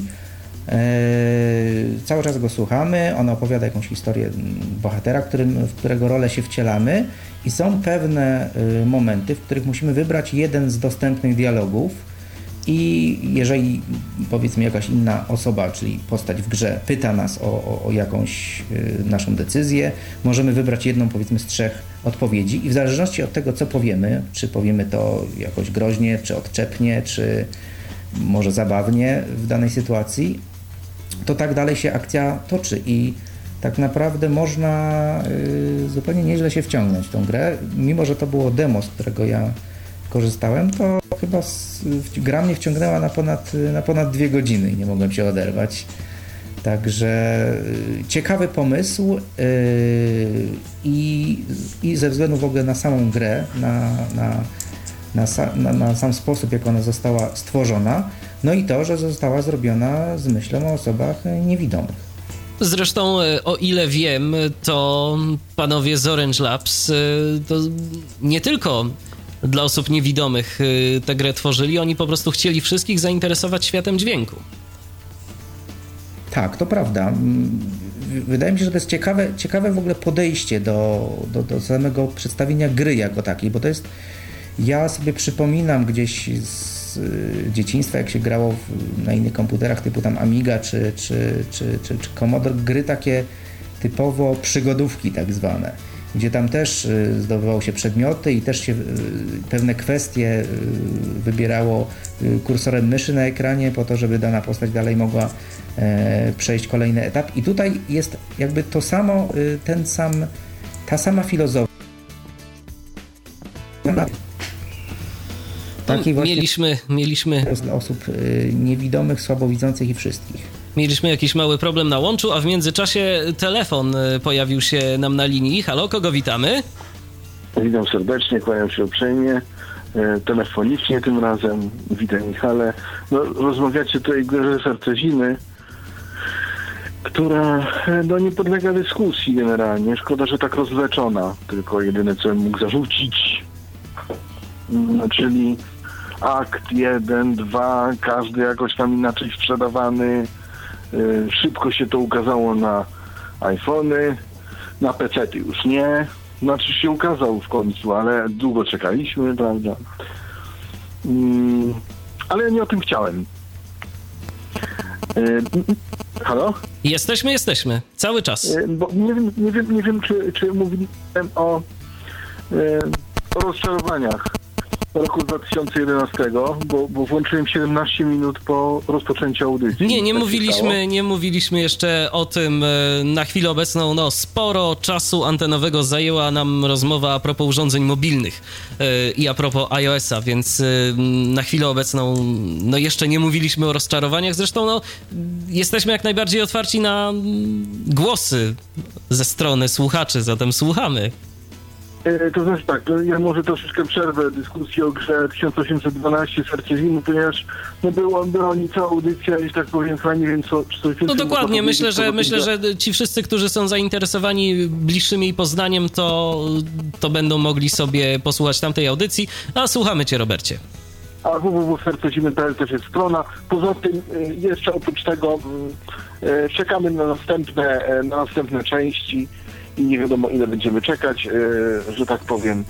E, także, także to jest wszystko takie rozleczone. Natomiast co dla mnie, e, słuchajcie, mm, najpierw powiem, co, co dla mnie jest dosyć ciekawą rzeczą, bo wszyscy mówili o telefonach komórkowych i, i, i o tym, że płatne programy do telefonów komórkowych, że tak powiem, odejdą sobie do lamusa. I, ja mówię, aby się tak stało, natomiast E, firma Core i, i, i nikt jakoś chyba nie, nie pomyśli, nie, nie, powiedział na razie o tym, ale wypuściło coś, co się nazywa TV Speak.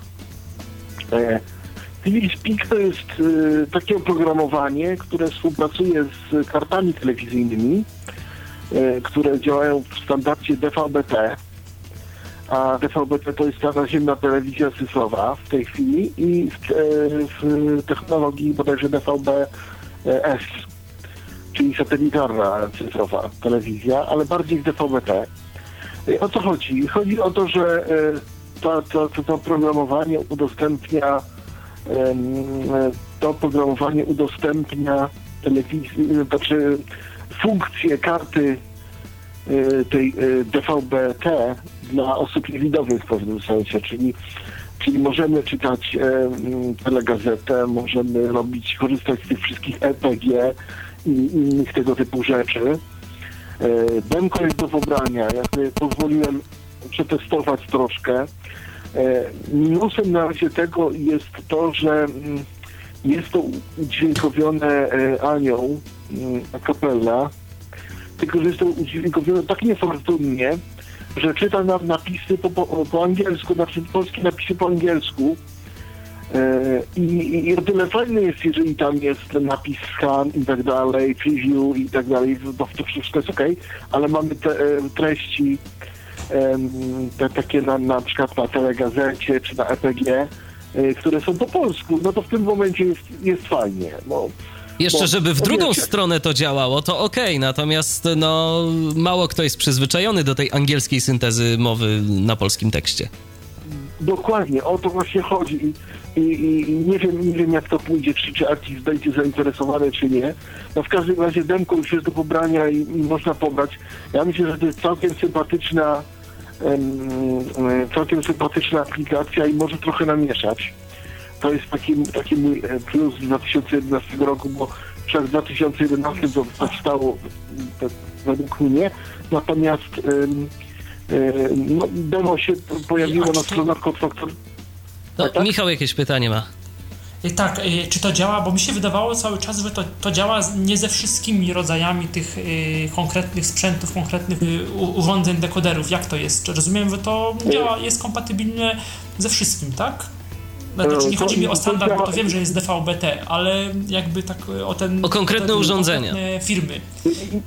Już mówię, to działa na pewno z wszystkim, co ma, co jest AWR TV, e, Avermedia z tymi, z tymi aplikacjami. Natomiast mówię, no to, to działa z um, tunerami USB generalnie lub PCI podłączonymi do, do, do slotu PCI bądź USB.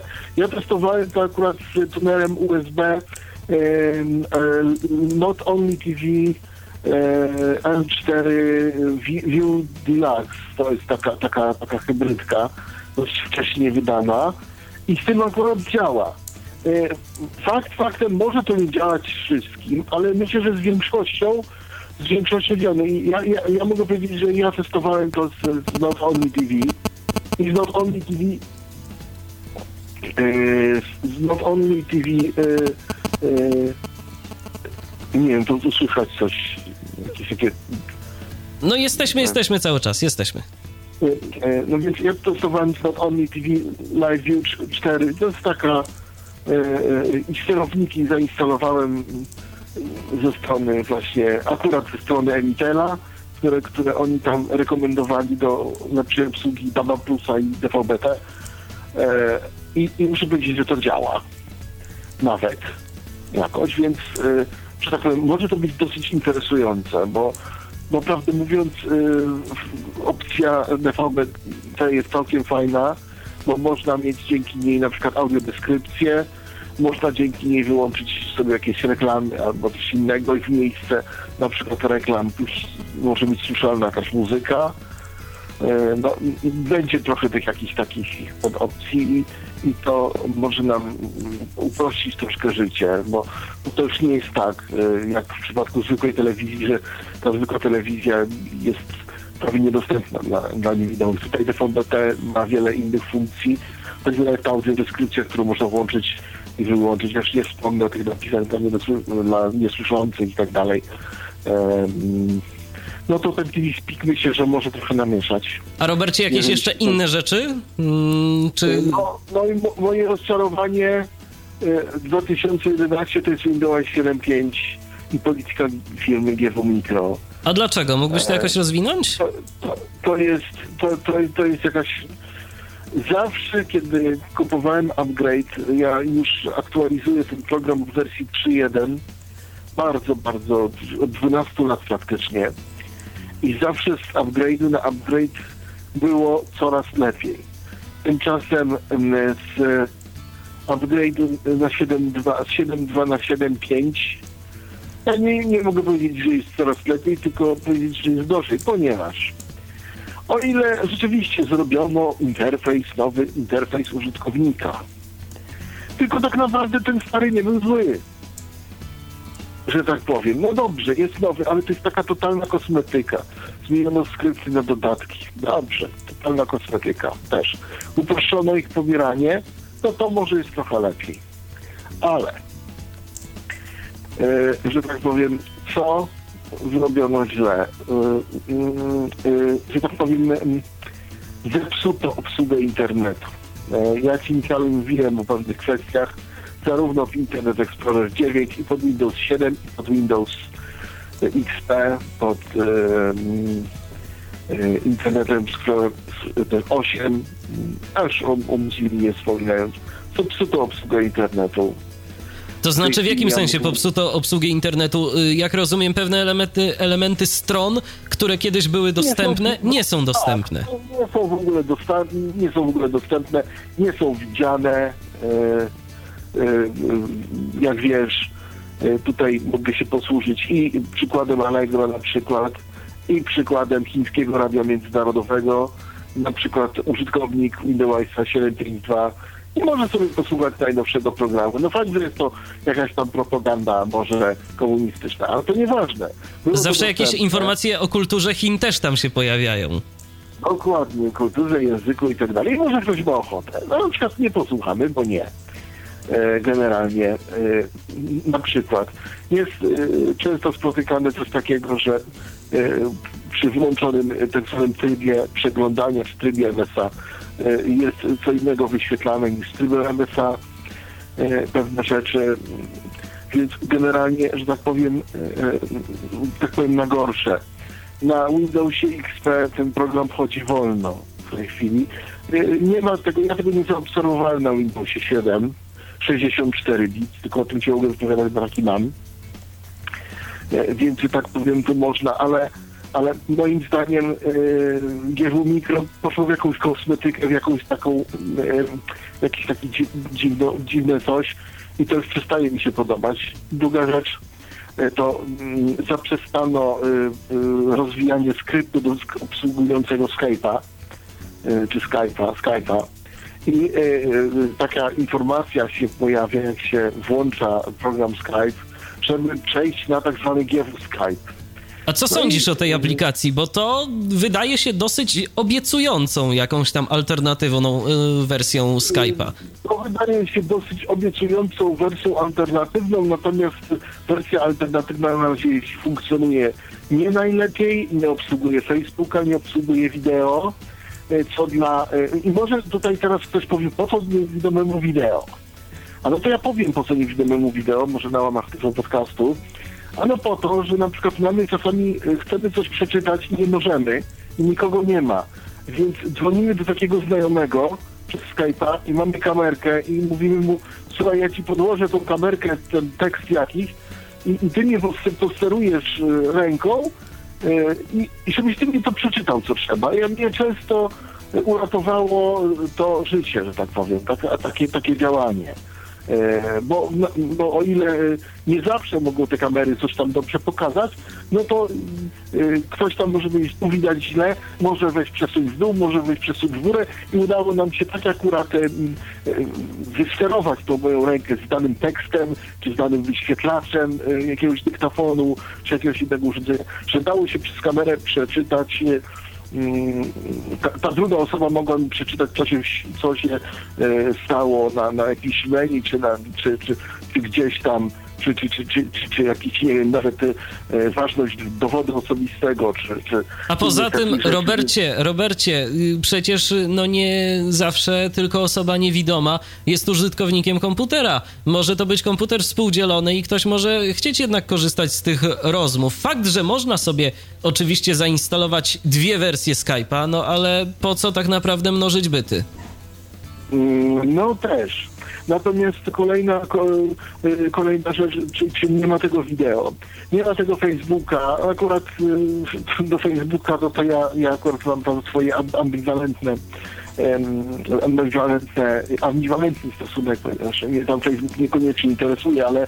Ale kogoś może. Którzy, którzy lubią właśnie i skoro Skype to umożliwia, to, to, to, to, to umożliwia. Ale kolejna rzecz, ostatnia odnośnie GW Skype'a, to jest problem z odbieraniem plików w GW Skype'ie. Szczególnie jeśli ktoś wysyła ze Skype'a, to GW Skype tego nie odbierze.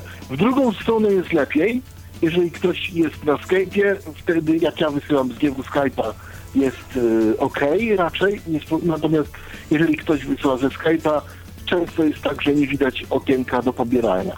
Nie wiem od czego to zależy tak naprawdę, bo, bo od, tak, od jednych ludzi można odebrać, od drugich nie. Nie wiadomo dlaczego. czy to jest kwestia tych natów, przekierowań, czy, czy czegoś innego. Pozostaje mieć nadzieję, że zostanie to poprawione w jakichś e, nowych wersjach. W końcu GW Skype e, to jest produkt stosunkowo nowy. Natomiast no, dziwić i niepokoić może, że mm, taką wersję beta y, chce się dać użytkownikom w zamian za y, skrypty udźwiękawiające y, klasyczną, pełną wersję Skype'a. Bo one nie będą rozwijane, jak rozumiem. Czy one będ, nie będą rozwijane, czy one już zaprzestały być rozwijane? Nie, jest discontinued. Development is discontinued. Się, się pojawia taka, e, przy włączeniu Skype'a pojawia się taki, taki, taki monit, że would you like to install Givu Skype to, enter the website. Ja w tej chwili tego nie, nie, nie przytoczę. I się włącza bądź jest, bądź no. E, tam zależy co się chce w moim przypadku, gdzie to mam zainstalowane, że tak powiem, to, to, to jest takie pytanie bez sensu, którego też się nie da wyłączyć, ale, ale że, że skip up is discontinued, czyli że już nie jest rozwi e, e, rozwijana. No to trochę martwi. A Robercie, jeszcze takie mam pytanie a propos nowego Windowsa. Mm, czy miałeś okazję potestować jakoś tą pomoc zdalną? Yy, bo z takich informacji, które gdzieś tam, yy, ja przynajmniej tak zrozumiałem, pomoc zdalna systemu Windows. Czy miałeś okazję przetestować to, czy rzeczywiście na przykład jeżeli jakiś użytkownik nie posiada yy, Windowsa, a chciałby z tobą się połączyć... Windowsa to nie działa. No A... jest tak. To jest pomoc zdalna, ja bym powiedział pomoc, to jest coś takiego jak Just Tandem. Tylko, że Ponieważ bezpłatne, to... bo zdaje się, że Just Tandem to jakieś tam opłaty w... Aha, no to to jest bezpłatne, wymaga. to połączenie jest spinane przez serwer GW Mikro. Yy, nawet jeśli jest bezpośrednie potem, to jest spinane przez serwer GW Mikro, po czym ono się jakoś ubezpośrednia. Yy, dlatego, że nie wiem, czy pamiętasz, ale Michali, Michale, sami żeśmy robili te testy. No, pamiętam, tylko po prostu chciałem, żebyś, żebyś coś na ten temat powiedział. Nie, nie działa. To, jest, to jest tak zwana, to, to, to, to działa wtedy, kiedy są dwa Windows'e po prostu. I to, to dwa Windows'e w wersji 7.5.2. Tak, dwa Windows'e 7.5.2. Wiem, że mają być Windows'e w wersji 7.5.3. No co jeszcze można powiedzieć o, o tym nowym Windows'e, że te skrypty się rozjeżdżają, ile w 7.2 już jakoś powiedzmy to dopracowano, że jakoś to działało. E, że to, no, no, no, no, można było z tym żyć. Przede wszystkim to w 7.5.2 skrypty się rozjeżdżają. E, często trzeba tego Windowsa po prostu wyłączać i włączać. To jedno. Po drugie internet. No internet po prostu zepsuto. Ma, no, no zepsuto na maksa. No i, i w Internet Explorerze i w Firefoxie. No to, to, to, to, to, to także jak dla mnie to jest jakaś e, Malina 2011 w kategoriach informatycznych, a zajęto się takimi duperelami jak jakiś interfejs ładny czy mniej ładny. Naprawdę to, to, to, można, było, to, to, to można było spokojnie na końcu gdzieś tam zostawić z tyłu.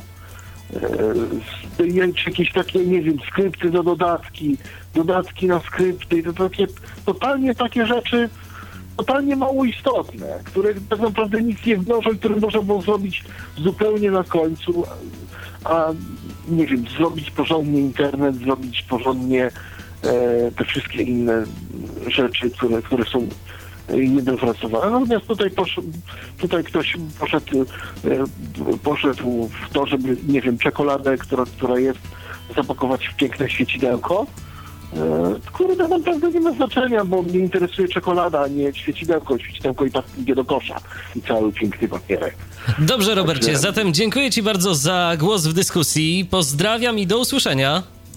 Kłaniam się uprzejmie. Trzymaj się. 223988027 wewnętrzny 938. No, może wy także coś powiecie samym... a propos. Tym samym przeszliśmy do screenreaderów. Właśnie. Tak, tu... jed jednak. Troszkę jednak. nam się plany zmieniły, bo mieliśmy mówić o Olympusach, ale o tym sobie powiemy nieco później. Natomiast rzeczywiście przeszliśmy do screenreadera, do screenreaderów. Ja myślę, że no, o Windows 7.5.2 już nie ma chyba co mówić, bo wszystko zostało powiedziane chyba i to od użytkownika, który. Dokładnie, który, który korzysta z tego narzędzia na co dzień, więc y, myślę, że tu nie ma czego zbyt wiele dodawać. Natomiast no, prawda jest też taka, że JOS nowy, JOS 13 pojawił się. Tu już też był taki sygnał od Patryka, który do nas dzwonił, że właśnie tam został zaimplementowany mechanizm OCR. Tak, i to jest główna, y, no JOS 13, y, też niektórzy mówią, że jest, y, że te screen readery się robią coraz cięższe, coraz większe, coraz bardziej zasobożerne, pamię pamięciożerne i w ogóle. Pewnie jest to mm, prawda, natomiast no JOS 13 rzeczywiście się pojawił i taką główną nowością, która póki co jest tylko w JOSie i powiedzmy, że w NVDA, mówię powiedzmy, bo tam jest jakaś wtyczka z angielskim OCR-em, ale takim na poziomie dawnej jakiejś rekognity, czyli e, silnika skanującego gdzieś tam z lat 90., także trudno cokolwiek o tym mówić. W Windows tego na razie nie ma, pewnie kiedyś będzie. E, JOS e, ma zaimplementowany silnik OCR i może rozpoznawać obiekty ekranowe. Dobrze mówię? Dobrze. Zgadza się. Dobrze się wyraziłem, bo tak, obiekty, obiekty, obiekty na ekranie. To może powiesz coś, bo ja, ja nie miałem przyjemności jeszcze testować tego JOSa 13 tak dłużej, a ty z tego co wiem, coś tam z nim robiłeś. E, Dobrze, Robiłem, tak, natomiast nie miałem okazji, nie, nie miałem okazji się jeszcze tak pobawić do końca tym mechanizmem OCR, natomiast mhm. słyszałem opinię. Mechanizm... Słyszałem mhm. opinie od użytkowników, y, którzy mieli możliwość większej zabawy. Powiem tak, może w tym momencie słucha nas na przykład Tomek Bilecki, który, który się bawił zarówno wtyczką OCR, jak i y, do JOSa, jak i do NVDA i być może on powie nam nieco więcej, ale y, w rozmowach z nim y, sygnalizował, że paradoksalnie ta wtyczka od NVDA jest w stanie odczytać nawet więcej, bo w JOSie po prostu JOS jakby nie interpretuje niektórych obiektów. Jeżeli on już coś załapie, to odczytuje to dobrze i odczytuje, stara się naprawdę z tego wyłuskać y, sporo rzeczy. Większy problem jest jednak wtedy, kiedy on po prostu uzna, że on tego obiektu jednak nie będzie rozpoznawał. To po prostu no już w tym mhm. momencie nie zrobimy nic. Także mhm. taką, taką opinię na temat tego słyszałem. To się przede wszystkim no, przydaje w aplikacjach multimedialnych czy w jakichś grach, czy w jakichś właśnie takich e, rozwiązaniach typu IPLA, o których e, mówił nasz słuchacz, e, bo tam no, nie ma dobrego udźwiękowienia, nie jest właściwie udźwiękowienia, nie ma dobrej dostępności. Interfejs tej aplikacji nie jest dobrze dostępny. Natomiast no, może to się przydać. Natomiast tak a propos jeszcze screen readerów, to nie wiem, czy słyszeliście, ja już słyszałem to jakiś czas temu, czytałem o tym, yy, a propos Windowsa 8. Jak myślicie, Mikołaju, bo tak trochę nam ucichłeś, jak myślisz, jaki program odczytu ekranu na chwilę obecną najlepiej radzi sobie z ósemką? Jeżeli chodzi o ósemkę, no y, ja z pewnego punktu widzenia właśnie tego swojego y, bycia osobą słabowidzącą ze mm, screen readerów jako takich y, typowych, mówię, czy, czy, czy JAWS, czy, czy, czy Windows nie korzystam, ale za to może minimalnie, minimalnie y, modyfikując trochę ten temat, ale pod kątem osób właśnie słabowidzących, to chciałbym powiedzieć o może o y, Zoom Texcie 10. O właśnie, ale to, to, to słuchamy. To okej, okay, to, to powiedz, a jeszcze potem wrócę do tego tematu, bo to jest myślę, że też dosyć istotna informacja, która się pojawiła w zeszłym roku. Tak, jest to i to pojawia się co prawda pod koniec roku, bo to w, bodajże listopad, grudzień, przełom listopada i grudnia, kiedy ZoomText 10 się pojawiła, a jest to właśnie y, program, który został zrobiony, tak jak w ogóle cała linia ZoomText, z myślą o osobach, y, które są słabowidzące, czyli poruszają się po komputerze, po jego funkcjach y, zarówno za pomocą wzroku, jak i, jak i za pomocą częściowego odczytu ekranu.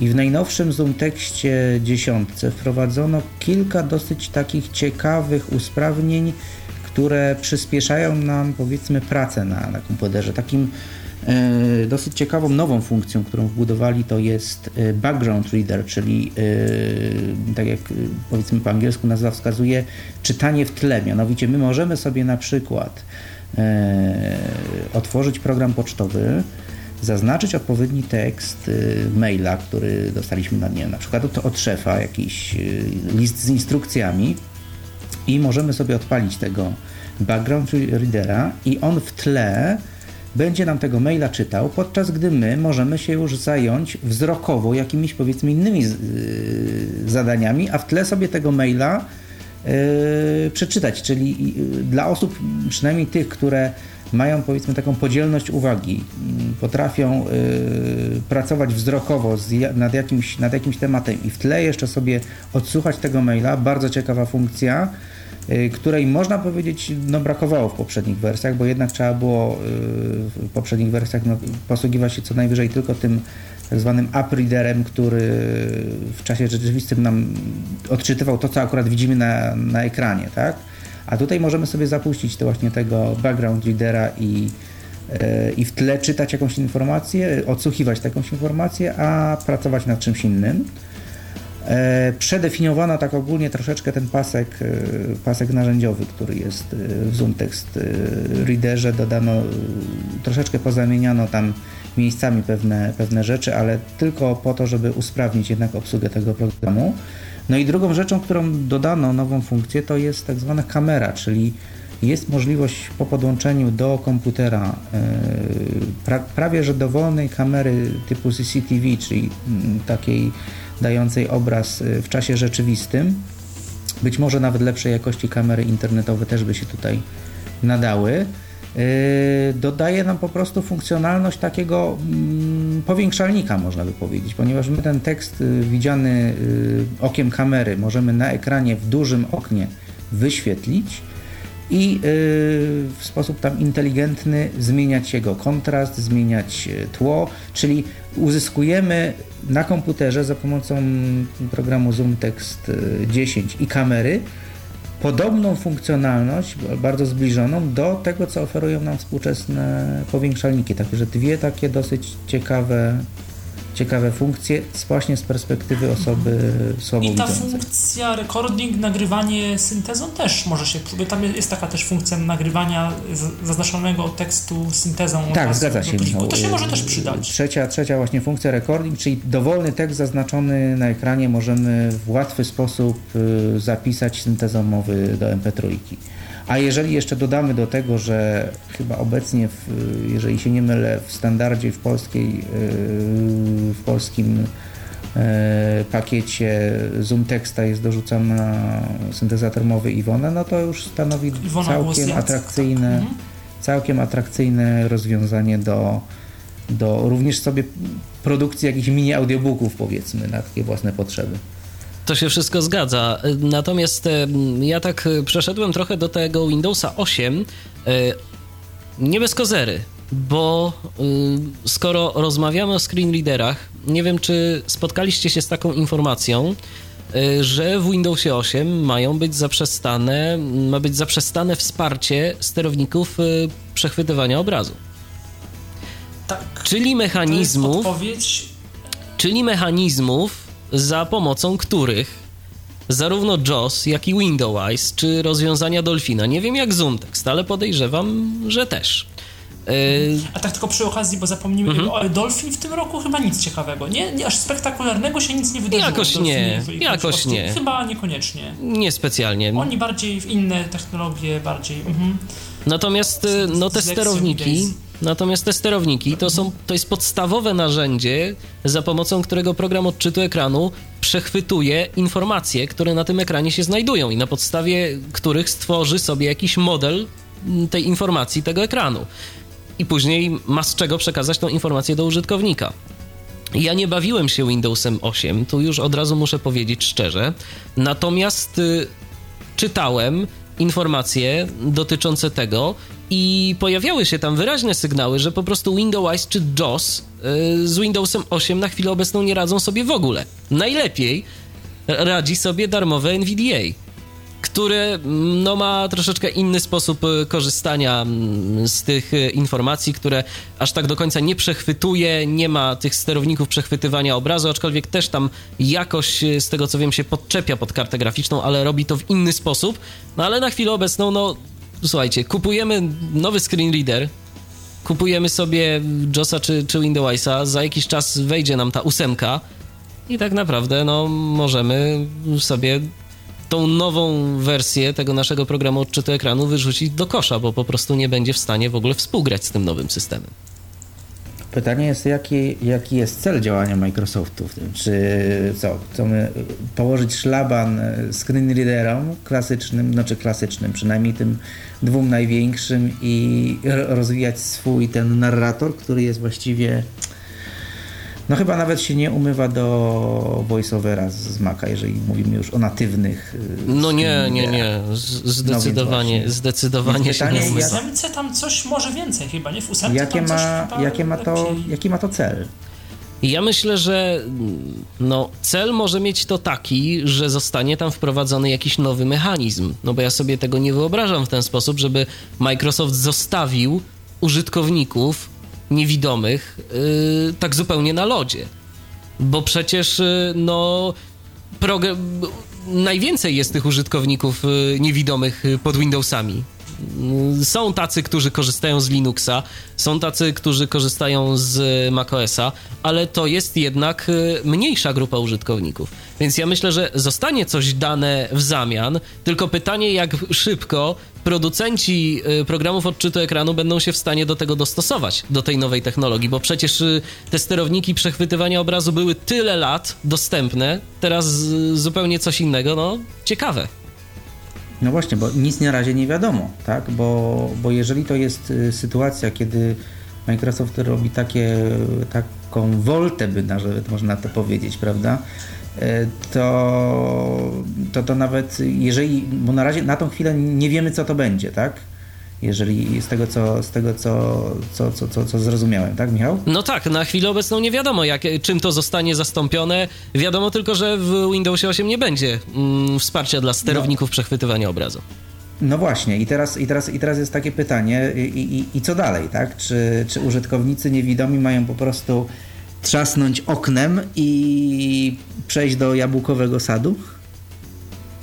No ja tak raczej, nie, ja, raczej nie, ja raczej nie podejrzewam, żeby o to chodziło e, Microsoftowi. Natomiast to, co dowiemy się z pewnością za czas jakiś, bo na chwilę obecną no, nie jest jeszcze chyba nawet znana data premiery ósemki, więc to jest cały czas jeszcze wersja testowa, więc tam się może jeszcze e, sporo rzeczy wydarzyć. Ja myślę, że takim argumentem przemawiającym za zrezygnowanie z tych sterowników to jest jednak stabilność y, systemu, bo tam się różne rzeczy jednak dzieją z tymi sterownikami przechwytywania obrazu. Kiedy y, one, ich jest kilka, no one różnie współgrają ze sobą, czasem są jakieś problemy z niektórymi kartami graficznymi. Przypuszczam, że wykorzenienie tych sterowników ma na celu wprowadzenie jakiejś nowej technologii, która będzie bardziej transparentna i która umożliwi programom odczytu ekranu jeszcze lepsze korzystanie z tego, co oferuje Windows. Może jakiś większy nacisk na ten Microsoft UI Automation, czyli następcę MSA. Mm, Albo jeszcze coś innego. No, to jest ciekawa rzecz. O tym się dowiedziałem w zeszłym roku i Jakoś tak przeszło to bez echa, bo na chwilę obecną no je, jeszcze chyba w ogóle mało niewidomych w Polsce, na świecie zresztą też jakoś tym Windowsem 8 się interesuje, a to jest jednak... Y, to jest jednak przyszłość. Jeszcze na razie sporo użytkowników ma Windows XP wśród y, niewidomych. Jeszcze nie za bardzo chętnie się ludzie przesiadają na siódemkę, a to już ósemka nadchodzi. No tak, bo tak można by przekornie w tym momencie powiedzieć, że y, w tym 2012 może niewidomych czekać koniec świata. Być może, być Póki może. Co, na to wygląda. Właśnie. Natomiast y, no jest taka y, troszkę, no ma to troszkę związek z tym, co mówiliśmy przed chwileczką o tym, że E, NVDA, albo mówiąc po polsku bardziej NVDA, z tym Windowsem 8 działa najlepiej. No, NVDA ciągle y, się rozwija i może w tym roku nie zostały wprowadzone jakieś bardzo spektakularne nowe funkcje NVDA albo nowe programy, które on udźwiękawia. Natomiast program y, były w, tym, w minionym roku były trzy wersje NVDA się ukazały stabilne y, i z każdą wersją program jest bardziej, robi się bardziej stabilny i w Polsce tak jak mówiliśmy na początku audycji o tym, że coraz więcej osób jednak wybiera z różnych powodów tego iPhone'a, iOS-a, tak e, samo dzieje się, przynajmniej ja taką tendencję e, zauważyłem, że coraz więcej osób zaczyna używać NVDA i to nie jako screenreadera, który jest dodatkowym programem gdzieś na pendrive'ie, jeżeli coś u kogoś trzeba zrobić w komputerze, albo jeżeli nam padnie Windows albo JAWS, tylko ludzie na NVDA zaczynają pracować. Też stało się tak dlatego, że, y, że no, nie było pieniędzy. Ludzie mm, jak zastanawiali, zastanawiali się, czy mają kupić upgrade do właśnie JAWS albo do, do Windowsa, y, kiedy przechodzili na Windowsa, z Windowsa XP na Windowsy, na Windowsy 7 64 bit no, już w tej chwili głównie. No i NVDA y, przyszedł tutaj z pomocą, bo się okazało, że pod tym Windowsem 7 i pod większością programów typowo wykorzystywanych działa no albo wystarczająco, albo prawie wystarczająco. Z Także, tego co ja wiem, Michał, to ty właśnie jesteś y, takim y, no tak, użytkownikiem, tak, który przeszedł, tak. porzucił JOSa na rzecz y, NVDA. Tak, no przeszedłem, bo tak w pewnym momencie się stało, że z Windowsa XP się przeniosłem na Windowsa 7, troszkę ze sprawą tego, że zacząłem różne dla Tyflo Świata, dla portalu testować różne, różne laptopy w ramach, w, ramach, w ramach pracy. I no te laptopy wiadomo, to już jest Windows 7 64 bit. No JOS to tylko co, tylko demo, więc to tak nie do końca satysfakcjonuje. Syntok, którego kiedyś używałem też tak na 64 bitach różnie, z JOSem szczególnie, no właściwie głównie to z JOSem były tam problemy. No i właściwie został ten NVDA, który na początku no w życiu nie sądziłem, że się na niego przeniosę, tak jak już kiedyś mówiłem. No a efekt jest taki, że mm, no, w chwili obecnej używam właściwie tylko SPK i NVDA. Owszem, czasami brakuje mi y, JOSa, brakuje mi, nie powiem, przy pewnych, y, no JOS w pewnych sytuacjach czyta więcej, ja też do końca tej myszki NVDA nigdy nie opanowałem, jakoś tak jest dla mnie dziwna i, i może, może to też, y, gdybym to jeszcze muszę się temu przyjrzeć jakoś głębiej, to może zupełnie będzie mi się jeszcze lepiej pracować. Natomiast no, NVDA to jest, y, robi się to rozwiązanie pełnoprawne, w tej chwili już y, pełnowartościowe. Yy, wobec innych screenreaderów, które oczywiście będą zawsze mieć więcej funkcji, więcej różnych możliwości. O, w NVDA, jeżeli ktoś yy, używa moc, dużo linijki brailleowskiej, to będzie zawiedziony, bo tam ta obsługa monitorów Braille'a tam jest, bo jest. jest, jakaś nawigacja jest, ale to jest takie podstawy. Odczytywanie i prosta nawigacja, bez żadnych dodatkowych skrótów klawiszowych, także to, to jest dla osób, od razu mm, uczulam, yy, chcących pracujących dużo z monitorami brailleowskimi, to może być, to może być y, problem. No i też, jeżeli ktoś bardzo zaawansowanych funkcji Office'a, e, Worda, Excela używa, takich funkcji, których JAWS albo Windows coś wyciągają, szczególnie JAWS, gdzieś tam w Office mamy różne skróty klawiszowe, które tam różne rzeczy pod, pozwala odczytać. Tutaj jest, myślę, że w NVDA no, będzie miał gorzej z Wordem, z y, Excelem. Znaczy jestem nawet pewny.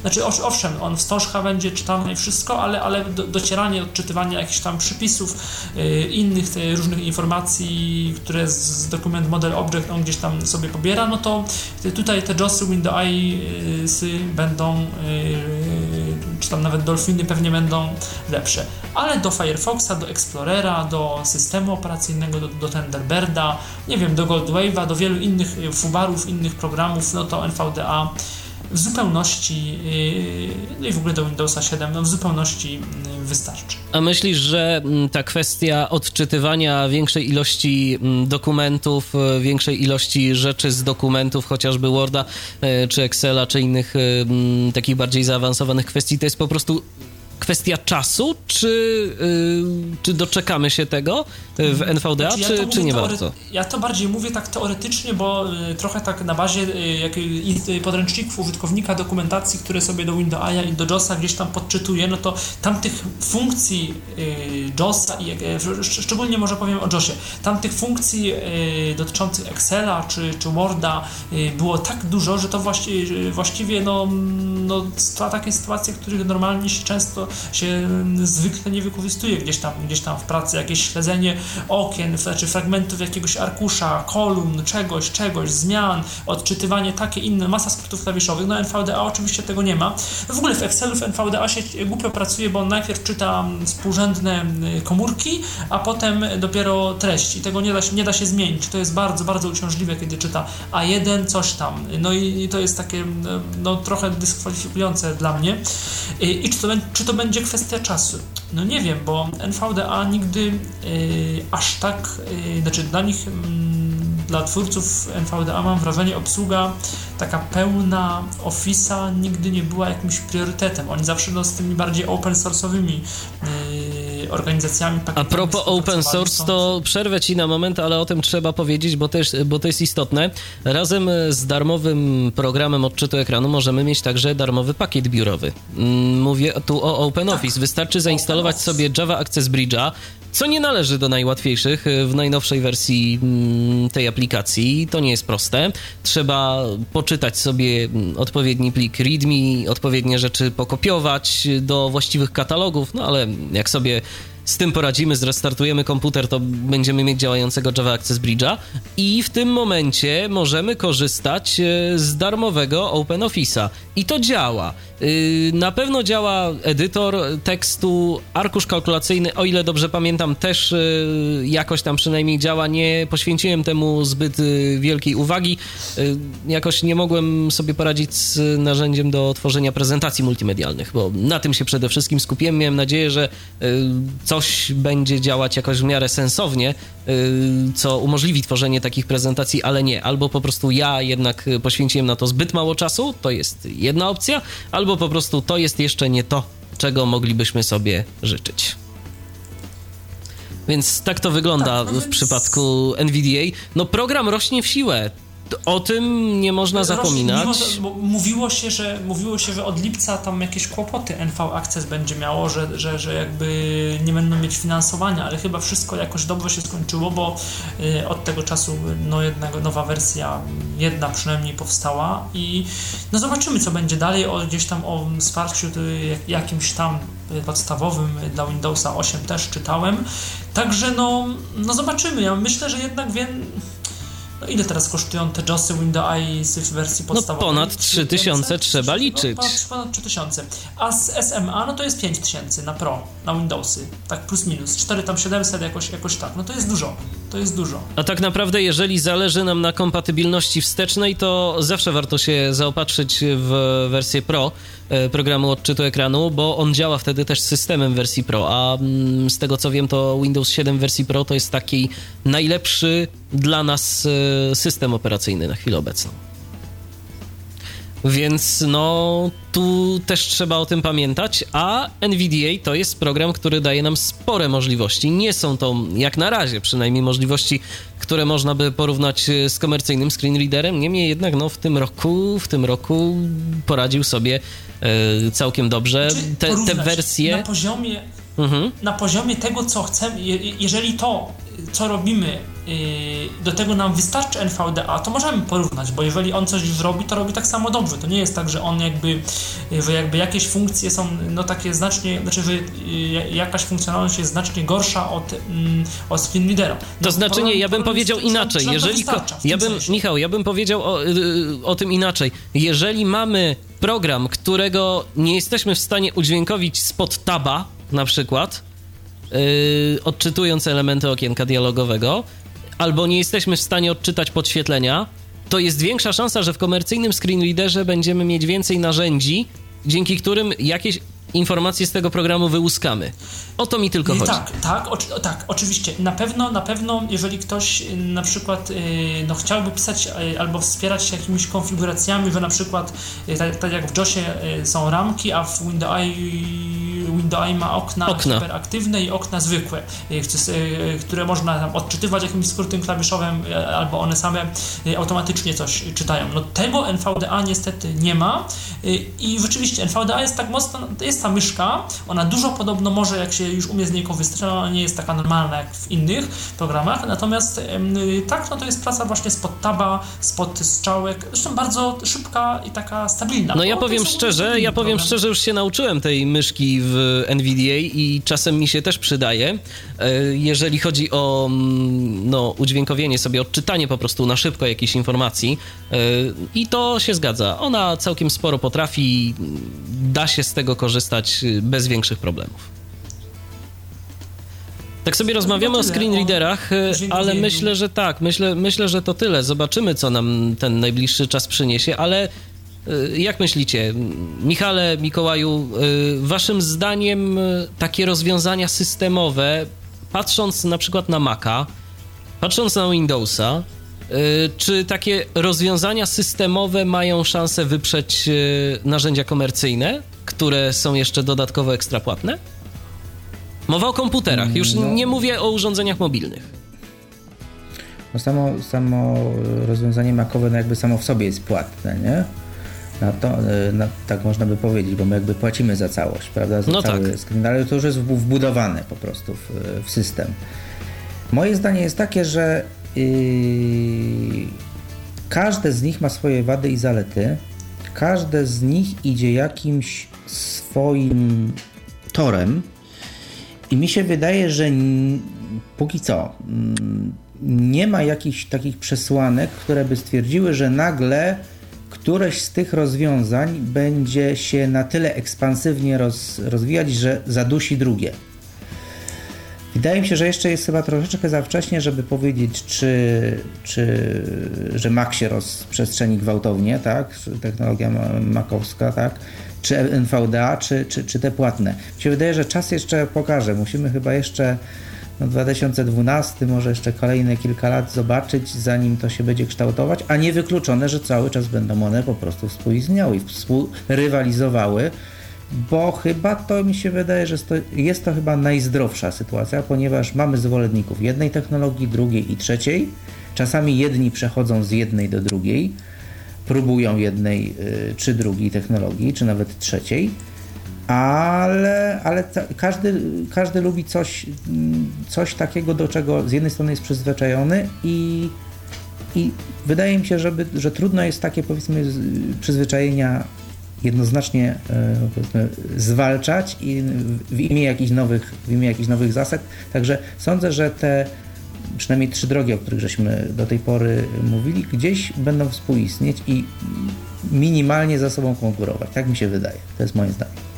Bo jeszcze nie chciałbym tu jakichś takich czarnych wizji, wizji snuć, ale jeżeli chodzi o oprogramowanie takie specjalistyczne, dedykowane osobom niewidomym, to y, wyparcie go przez y, programy wbudowane w system może mieć jeden zasadniczy minus będzie to godziło po prostu w użytkowników, którzy mają jakieś bardzo zaawansowane potrzeby, a y, w momencie, kiedy okaże się, że jest ich bardzo, bardzo mało, po prostu producentom przestanie się opłacać tworzyć dla nich oprogramowanie, bo po co? Yy, większość będzie wychodziła z takiego założenia, skoro na przykład taki NVDA w zasadzie udźwiękawia mi większość rzeczy, które są mi potrzebne na co dzień. A to, że ja, a to, że jakiś tam powiedzmy inny człowiek y, potrzebuje do pracy, no nie wiem, jakiegoś systemu, chociażby, chociażby SAP, y, który o ile wiem, to Zoom tekst z nim działa, no i są jakieś skrypty do JOSa. I to jest tak naprawdę tyle. Mhm. Więcej, więcej nic nie udźwiękawia SAPa. Więc po no tak. prostu, tak. no, także ja byłbym jednak za tym i mam nadzieję, że tak będzie, że to będzie się rozwijać jednak równolegle. Co by nie mówić na te programy komercyjne, na JOSa, na Windowsa, na mm, jeszcze jakieś inne aplikacje, to one jednak mają za sobą bagaż kilkunastu, jak nie kilkudziesięciu lat doświadczeń. Ludzi, którzy się na tym znają. Apple, mimo tego, że zrobił naprawdę całkiem fajną robotę, jeżeli chodzi o udźwiękowienie macOSa, no to jest jednak doświadczeń tam podejrzewam, że kilka lat takich naprawdę intensywnych i raczej myślę, że nie mają aż tak bardzo ogromnej wiedzy w tym temacie. Co zresztą, no, niektórzy użytkownicy twierdzą, że widać, że po prostu jednak to działa, no nie wszystko tak, jak oni by chcieli i nie jest to takie bardzo intuicyjne i szybkie. Aczkolwiek niektórzy się przestawiają i, i sobie to chwalą. No NVDA, czyli przykład e, darmowego oprogramowania, no jest myślę, że alternatywą, która, która po prostu musi być. Ja mam nadzieję, że ona będzie, bo to umożliwi tym osobom, których po prostu nie stać mm, na oprogramowanie, być na bieżąco y, z nowościami w systemach operacyjnych. Bo jeżeli ktoś kupił sobie mm, kilka lat temu, bo dostał kilka lat temu dofinansowanie z Pefronu na powiedzmy program odczytu ekranu, to w tym momencie, kiedy już wszedł Windows 7, to ta osoba jest y, pozbawiona możliwości aktualizacji do tego systemu.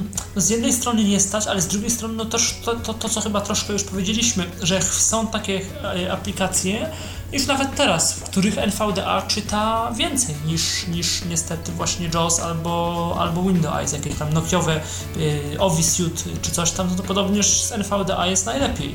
Także no to też tak, warto, warto, no na pewno NVDA warto mieć i jeżeli nie, nawet jeżeli nie jest to dla kogoś, y, jeżeli ktoś używa mm, komercyjnego programu, to z pewnością NVDA mu się do czegoś przyda, jeżeli ktoś jest z, powiedzmy, że zmuszony używać NVDA, no to na ogół będzie zadowolony. Na to ogół, się wszystko chyba, zgadza. Rzeczywiście specjalistyczne y, rzeczy wykonuje. Tak, kończąc powoli tą naszą audycję, bo jeszcze 6 minut pozostało do godziny 21. E, o czym jeszcze myślę, że można powiedzieć, no tak, to no. Olympus.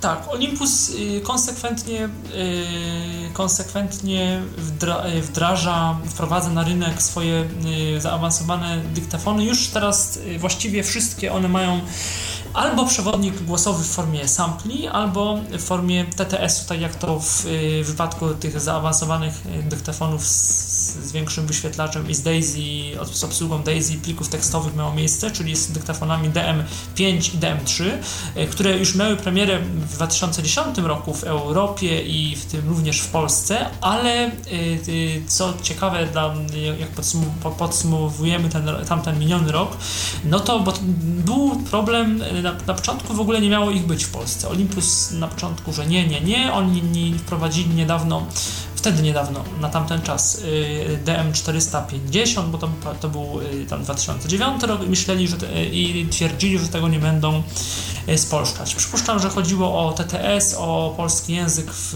niuansie i o jakieś tam kwestie licencyjne.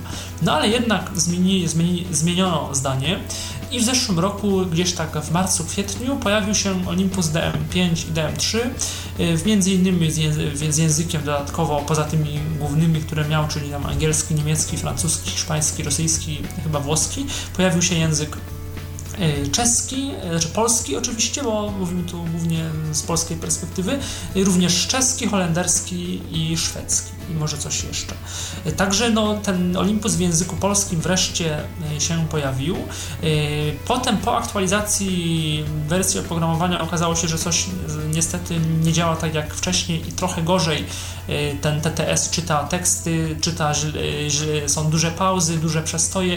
Ogólnie jak na no ja tutaj jest, jestem bardzo wymagającą osobą, jeżeli chodzi o czytanie TTS, o działanie TTS-u w tego typu urządzeniach, no i moi, moich e, wymagań to absolutnie nie spełnia, natomiast do, trzeba docenić, że jest i że za tysiąc, zresztą Adam Ostrowski bardzo dobry artykuł w poprzednim numerze Tyflo Świata o tych Olympusach napisał, polecam jeżeli ktoś by miał ochotę przeczytać.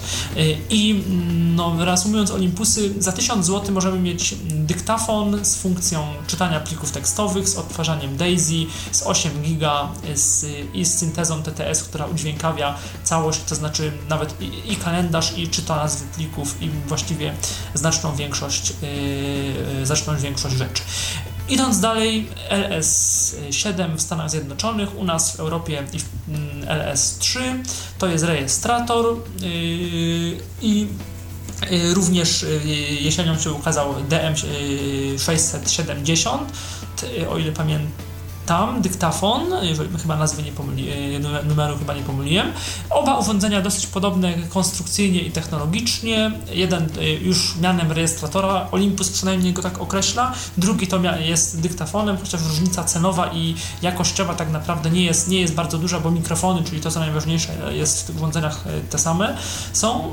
Dyktafony oba udźwiękowione samplami, działają bar, no działają, większość rzeczy jest udźwiękowiona. LS20M, o tym nic nie wiem, to jest rejestrator z kamerą umożliwiający nagrywanie i filmowanie. Chyba to jest udźwięk... Właściwie nie wiem, czy nie. Tego nie wiem, czy jest udźwiękowione, chyba, teraz tak myślę, chyba nie jest. W sumie nie wiem, nie wiem, nie pamiętam.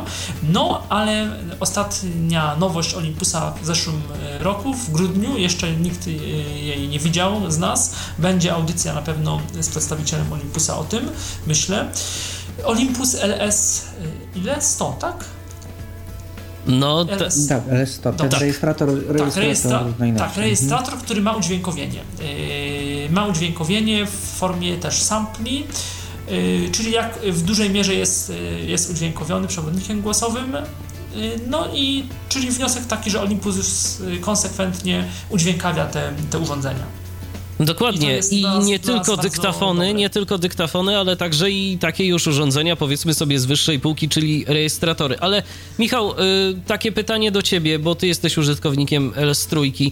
Y, to rzeczywiście takie jest y, dobre urządzenie, jak za tę cenę, jeżeli chodzi o jakość nagrywania i w ogóle, bo Mam takie wrażenie, że chyba jednak nie do końca, że... To znaczy tak, jeżeli, to to jest znowu temat na osobną, zależy do czego ktoś potrzebuje. Jeżeli no jeżeli kupuje, na... no poczekaj, poczekaj, poczekaj, jeżeli kupuje urządzenie klasy rejestrator, no to spodziewam się dźwięku klasy rejestrator.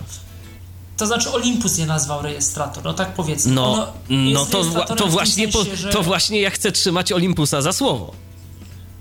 No to znowu każdy może mieć swoją definicję rejestratora, mówiąc trochę przekornie, no tak powiem.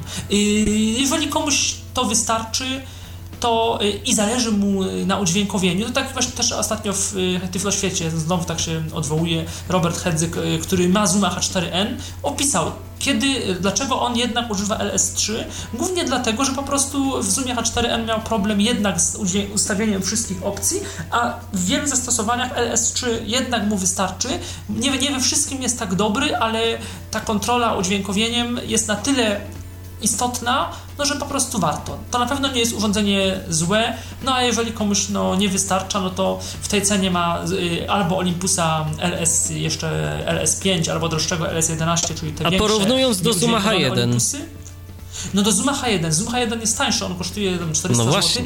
Yy, no to ja, jeżeli chodzi o, tylko o mikrofony, no to Zoom, y, bo nie o wygląd. Wygląd Olympus oczywiście jest ładniejszy. Zoom H1 jest, no jest okropny, jest taki kanciaty, plastikowy, czeszczący i w ogóle. Taki Ale no, jarmarczny, no, ja bym powiedział. Y, natomiast Zoom, H, y, Zoom H1, no czy na też czasami są ładne rzeczy. Zoom H1, no mikrofony ma, no Zoom to jest Zoom. No i tyle. Mikrofony są bardzo dobre. Okej, okay. no także, to tak sobie... Także no, to jest klasa jednak trochę... Mm, Olympus gdzieś tam robi, robi co może. Chociaż ostatnio się zdziwiłem, bo w sklepie MIDI.pl się pojawiły. Nigdy Olympusów tam nie, nie było w rejestratorach, a nagle proszę bardzo, Olympusy sprzedają. Czyli, czyli no będziemy testować też to, ten LS, y, LS100. Dokładnie, jak dostaniemy to na pewno to na pewno coś y, nagramy, napiszemy zarówno w Tyflo podcaście, jak i na łamach Tyflo Świata. Również tak, będziemy tam was informować o tym, jeżeli tylko coś wpadnie w nasze tak. ręce. Godzina 21 coraz bliżej. E, no i tak kilka słów mógłbym jeszcze prosić na zakończenie, zarówno tak, ciebie, ja Michale, jak i ciebie, Mikołaju, a propos tego, e, no tak rozmawialiśmy o wszystkim, o, o, mm, o różnych rzeczach związanych e, no, z tyfloinformatyką przede wszystkim, z tym, co działo się mm, z perspektywy osób niewidomych. E, jaki to był ten miniony rok, waszym zdaniem? Na pewno nie był, nie był to rok e, taki pusty, bo w, rok, w którym się jednak coś działo. Nie można powiedzieć, że nic nie działo. Y, trochę nowości jednak było, żeśmy tutaj mieli okazję powiedzieć. Kilka y, takich jeszcze może rzeczy, które jeszcze od lat cały czas czekają, na przykład Iwona na, na Maka, cały czas na to czekamy, zapowiadane każdego roku jeszcze, jeszcze, się nie, jeszcze się nie zdzieciło, może w 2012.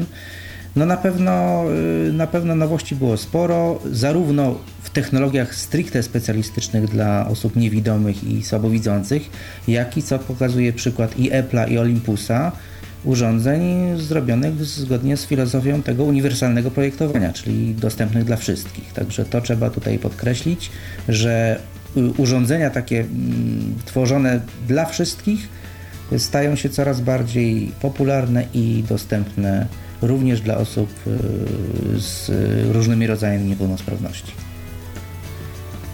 Michał? Tak, to z tym się zgadzam. Z, z, tym, co mówiłem na początku, no to też podkreślę, że to właśnie, że coraz więcej osób tych uniwersalnie projektowanych albo po prostu darmowych rzeczy, darmowych rozwiązań używa. No także Y, dzieje się, dzieje się również, y, no, o tym jakby tak mniej mówimy, bo no, mamy, no jednak jesteśmy użytkownikami indywidualnymi, tak y, nie mamy do czynienia z instytucjami takimi stricte pracującymi, znaczy pracującymi to nie, bo mamy akurat, ale, ale z instytucjami jakimiś szkoleniowymi albo szkołami. Natomiast dużo się dzieje, i to mówiłem o tym przy okazji Recha, dużo się dzieje w tyflografice tam jest swego rodzaju konkurencja, bo studio tyflografiki yy, Marka Jakubowskiego, Altix, który albo sam produkuje, albo komuś chyba zleca, yy, Printex z Ostrowa Wielkopolskiego, to są co najmniej trzy podmioty świadczące jakieś yy, usługi tyflo, tyflograficzne. Także no, jakby tutaj w tyflografice, w tworzeniu wypukłych, rozmaitych, rozmaitych rodzajów map, rysunków, oznaczeń, dużo się na pewno też, y, no to jest taka rzecz, o której mało wiem, więc trudno mi cokolwiek więcej mówić, natomiast to jest rzecz, która y, żyje swoim życiem i się rozwija i z roku na rok jest chyba jest chyba ciekawiej w tym, w tym, w tym względzie, o tym, też, o tym też gdzieś tam warto y, pamiętać. To jeszcze tak idąc, to jeszcze, bo, bo zapomnę, jeszcze tak idąc w tą stronę takich rozwiązań specjalistycznych, jak oceniasz, myślę, że ty Michał bardziej, kwestię związaną z tymi urządzeniami skanującymi? Yy, czy ma to jakąś, czy, czy dało się to w tym roku jakoś to tak znaczy naprawdę tak. mocno zauważyć? Czy ma to w ogóle się nie dało zauważyć, bo Altix y, bardzo na początku tak ekspansywnie, zresztą w zeszłym roku Idol oni za ciosem potem wprowadzili szybko z Opteleka y, ten, ten, to urządzenie Clear, y, Clear Reader, które gdzieś tam oferują chyba klientom instytucjonalnym pewnie głównie i on, Perl jest też w ich ofercie jakoś tak bardziej po cichu, nie wiem czy do końca spolszczony czy nie, natomiast no trudno cokolwiek cokolwiek powiedzieć. No, ja znam jedną osobę, Magdalenę Szyszkę, która ma Perla. Więcej z nikim na ten temat nie rozmawiałem. Nie wiem, rozwiązania są drogie. Na pewno to jest to przyszłość w tym sensie, że wszyscy w to idą, bo pierwszy był Freedom. GW Micro też wypuściło coś podobnego, jakąś taką kamerę y, skanującą, y, skanującą coś takiego. Chyba tańsze i bardziej jakoś tak elastyczne w stosunku do, do tego OpenBooka, bo tam nie ma chyba OpenBooka, to jakoś inaczej chyba działa. I plus tego Y, aha, jak pytałem Konrada Łukaszewicza, no to mówił, no zobaczę to w maju we Frankfurcie na y, Side City, no i czy to przywieziemy do Polski, czy to w ogóle będziemy spolszczać, kto to może wiedzieć, no po prostu no, jest to rozwiązanie drogie, albo kosztuje tysięcy, tak jak w przypadku Freedoma, około tam chyba ilu, siedmiu, albo no niech, niech kosztuje pięć tysięcy, no ale w stosunku do skanera, który kosztuje niech będzie 500 zł, a równie dobrze może być mniej, kosztować mniej, no to jest różnica dziesięciokrotna. Ale to jeszcze, no finanse to już, no załóżmy, że kogoś na to stać. Ale wszystko wskazuje na to, że te rozwiązania poza szybkością, skanowania, szybkością rozpoznawania, bo y, jakby foto, przez to, że fotografują, a nie skanują, one nie są tak y, dokładne, szczególnie dla osoby całkowicie niewidomej, która do końca nie ma kontroli nad światłem, które jest włączone, niewłączone, dochodzi, nie dochodzi. Także to to nie, jest to nie są rozwiązania jeszcze, no Zultex też planuje w przyszłym roku. Dokładnie, znaczy dokładnie. Zultex, dodatkowo, dodatkowo płatne urządzenie, które będzie można sobie tam jeszcze yy, podczepić. Yy, Także to... no wszyscy, wszyscy, idą, wszyscy idą w tę stronę, ale, ale, ale jakby, mm, ale jakby yy, ale efektów no specjalnych jakoś nie widać, żeby, nie widać żeby, żeby ludzie widać, to kupowali. Natomiast widać Bo coś innego, jeżeli chodzi o książki i o czytanie, y, to widać dwie rzeczy. Y, pierwsza rzecz no to jest... Yy, nic więcej nie wiemy, natomiast Plexstock po polsku, Plexstock PTP, czyli ostatnie takie istotne na świecie urządzenie z tych y, takich urządzeń odtwarzających DAISY z TTS-em, y, z funkcją TTS y, i no to Plexstock ma być po polsku. O tyle istotne, że urządzenie dobrej klasy, jedyne, które ma na pokładzie Wi-Fi i jedyne, które umożliwia nagrywanie i tworzenie jakiejś tam prostej struktury DAISY. Także może się komuś ono przydać w przyszłości, będzie większa szansa, żeby je kupić, no bo bez polskiego języka trochę to się mijało z celem, jak już niejednokrotnie zresztą mówiliśmy. I Milestone, jakaś tam aktualizacja istotna, owszem, ale to myślę, że są szczegóły nie, nie dla obrotu jakby sprawy dla całego roku, one nie mają aż takiego znaczenia, więc sobie podaruję tak troszkę przyspieszając. Natomiast no, istotna rzecz to jest Adobe Digital Edition z oprogramowanie firmy Adobe, które y, pozwala przeglądać pliki y, PDF y, i EPUB DRM, czyli pliki z zabezpieczeniem. No bo dotychczas było tak, że te książki, bo Chodzi o generalnie o e-booki, o książki czy e-booki, o książki elektroniczne, które w Polsce coraz bardziej stają się popularne, to znaczy można je kupować. Kilka takich sklepów jest, jak, jak Wobling, jak Virtualo, jak, jak Nexto.pl.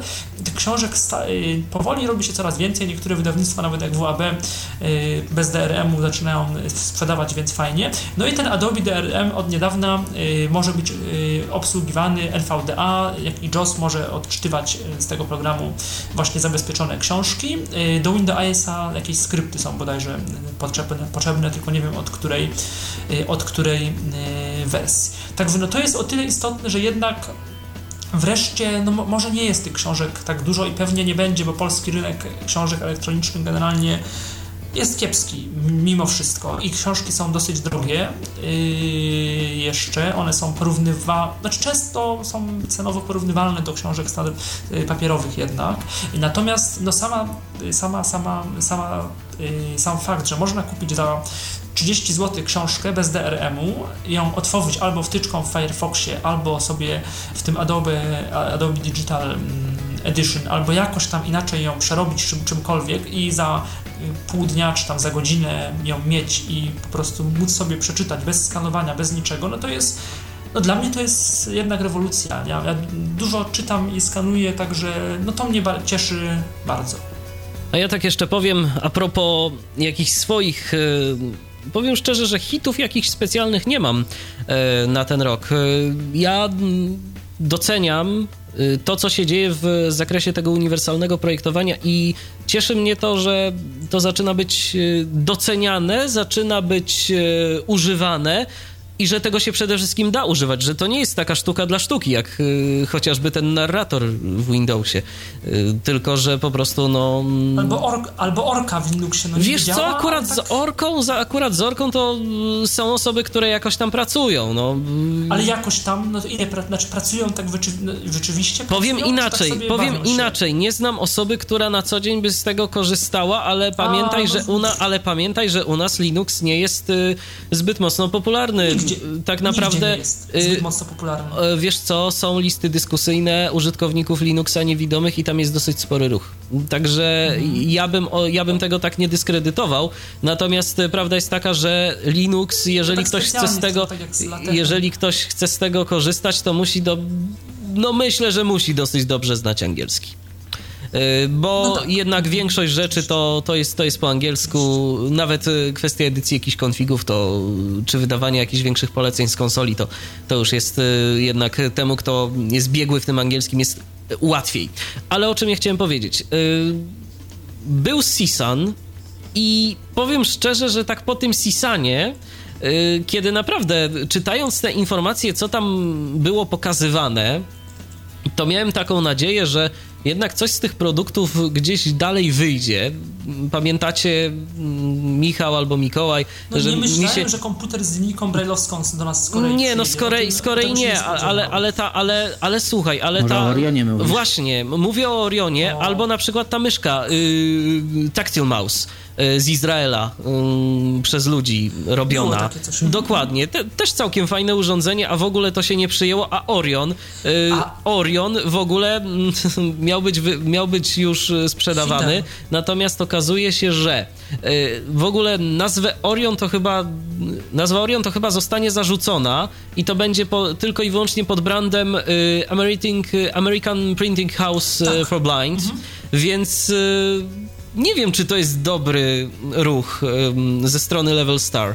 No ale nie nam to oceniać, zobaczymy, jak w końcu czyli ten Orion... Polsce, czyli wychodzi na to, że w no, Polsce, bo tak... Szanse no, są bardzo małe. Myślę, że tego nie będzie, myślę, że tego nie będzie w Polsce, tak samo jak tego monitorka braille'owskiego, tego refreshable braille display. A szkoda, Jedyny a szkoda. polski akcent to synteza mowy w Orionie. Dokładnie. Synteza z Polski. Synteza z Polski. I właśnie ja Ale miałem taką nadzieję, że coś, że coś tam się jednak y, pokaże. Właśnie, ale z nowości Sisanowych, no jedna rzecz, bo wtedy pisaliśmy również o takich okularach yy, yy, po- pomagających w eyeglasses? przeszkody, o eyeglasses. I to, to, to jest w ofercie Altixu, o ile pamiętam. Mam nadzieję, że nie mylę urządzenia teraz, bo ja w tym nie jestem, w tych urządzeniach yy, zbyt dobry, ale chyba mi się wydaje, że to jest w ofercie Altixu. No w każdym razie, w każdym no. razie nasz y, bardziej tyfloświatowy specjalista od orientacji, czyli Rafał Harłampowicz, y, no jak pisał, specjalnie go to nie zachwyciło, to urządzenie. No ale w każdym razie jest i mm, jakoś tam można z tego, można z tego no korzystać. Gdyby, gdyby ktoś chciał, jest nowy kajetek, to już tam był, był niby dwa lata temu, a teraz już jest naprawdę sprzed, sprzedawany i właściwie ukończony, chociaż to jest takie urządzenie, które no, gdzieś tam bardzo jest pod indywidualne y, zamówienia modyfikowane i ciągle jest w fazie, fazie produkcji i jakby konstru- y, produkcji i tworzenia nowych funkcji. Natomiast ten, ten kajetek jest, no jest i nie wiem co mogę. Mówiliśmy o nim Jest i nie ma, i dla mnie, nie i dla mnie to jest, y, i dla mnie to jest, no niestety też minus y, w przypadku kajetka, że zrobiono krok wstecz i y, przynajmniej na chwilę obecną zarzucono y, funkcję SMP. Tak, no dla mnie to jest po prostu No. krok wstecz i tyle. Mhm. A jak, czy pe- pewnym, znaczy, czy pewną takim może mniej dobrym wydarzeniem w tym roku, czy to, czy, czy to y, była y, jednak polska, przynajmniej polska społeczność Klango, która jakoś tak się rozmywa, czy to zbyt kategorycznie?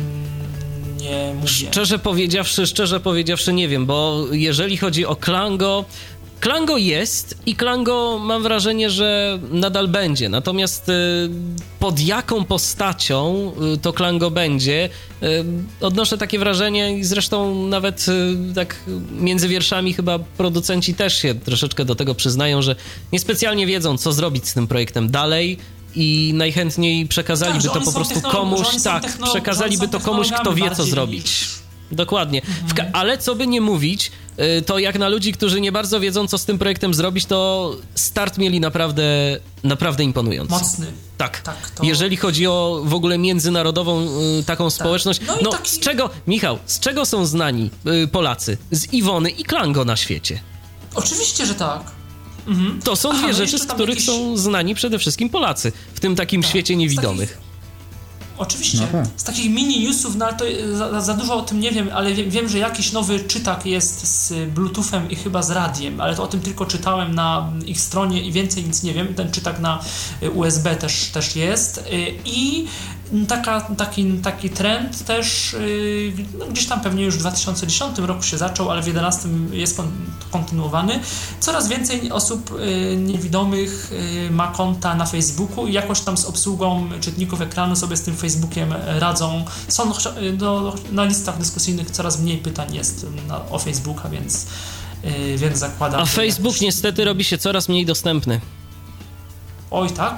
Tak, Nie no. zauważyłem z, LV, z LVDA jakoś tego nie Mm, zauważyłem. Wiesz co, a zapytam inaczej. y, Co robisz na Facebooku? Yy, Czytasz. Powiem, czego nie robię. Nie, czytam, nie, nie znoszę dodawać i w ogóle się współuczestniczyć w żadnych... Wy... Nie umiem sobie poradzić z wydarzeniami. Y, Ja kiedyś, ja już, ja już dawno nie bawiłem się w wydarzenia, ale kiedyś, kiedyś, było to, kiedyś było to bezproblemowo dostępne. Udostępnianie robię zawsze za pomocą Addis, natomiast, y, A to można, tak. natomiast jak Ale kiedyś... nie, nie, nie, ud- ud- udostępnianie na przykład, przepraszam, udostępnij jakieś wydarzenie, co, coś, jakiś element z poziomu y, Facebooka chcę komuś udostępnić. Nie, że ja link swój Aha, na aha, tablicy rozumiem. czyjeś, tylko udostępnij wydarzenie, albo coś widzę u kogoś fajnego i nie chcę, że lubię to, tylko chcę to udostępnić. Że Michał Kasperczak udostępnił Wiem, wiem, wiem o, co, taki, wiem o taki. co chodzi, wiem o co chodzi, natomiast no... No to kiepsko, tam na dole się pojawiają te Dokładnie. JavaScripty, tam się przy... Nie, nie, JavaScripty, tak, aria jakieś tam, to tam inne. Dokładnie, są, są te rzeczy i Facebook no, dostępny, jest, y, dostępny jest coraz mniej, szczególnie jeżeli chodzi o te administracyjne rzeczy. Kiedyś pamiętam, e, zajmując się administrowaniem, No, się administrowaniem strony Tyflo Świata y, czy Tyflo Podcastu, nie miałem problemu z dodaniem jakiejś tam aplikacji.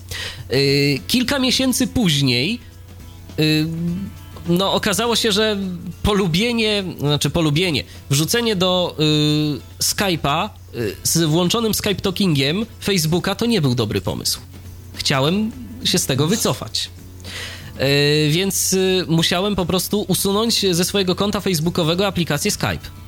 No, to już wymagało dosyć mocnej ekwilibrystyki, trzeba było się tam nieźle naklikać, więc y, ta dostępność tego Facebooka niestety, mhm. niestety zmierza moim zdaniem w, w nie najlepszą stronę. Natomiast dobrze, że jest jeszcze ten Facebook mobilny, z którego ja osobiście tak. korzystam i, i A źle, że Google zawsze Plus korzystam. jest dostępny. I aplikacje iOS-owe też. Dokładnie, tak. dokładnie i Google Plus tylko dostępny chyba na iOS-a najlepiej, bo na komputery no to Google Plus to raczej tak no Google Plus, ja mam takie wrażenie, że Google bardzo dużo mówi o dostępności, natomiast y, sam z tą dostępnością ma problemy, albo ma swoją wizję dostępności, tak którą my, którą, co do której my się jeszcze Nie możemy kiedyś, wiesz co, z którą my się możemy jeszcze co do niej zdziwić bardzo, bo się może okazać, że oni, ben, że oni będą mieć z tym rację, te ich rozwiązania się przyjmą, natomiast jeszcze musimy poczekać, żeby jakby swoją wizją y,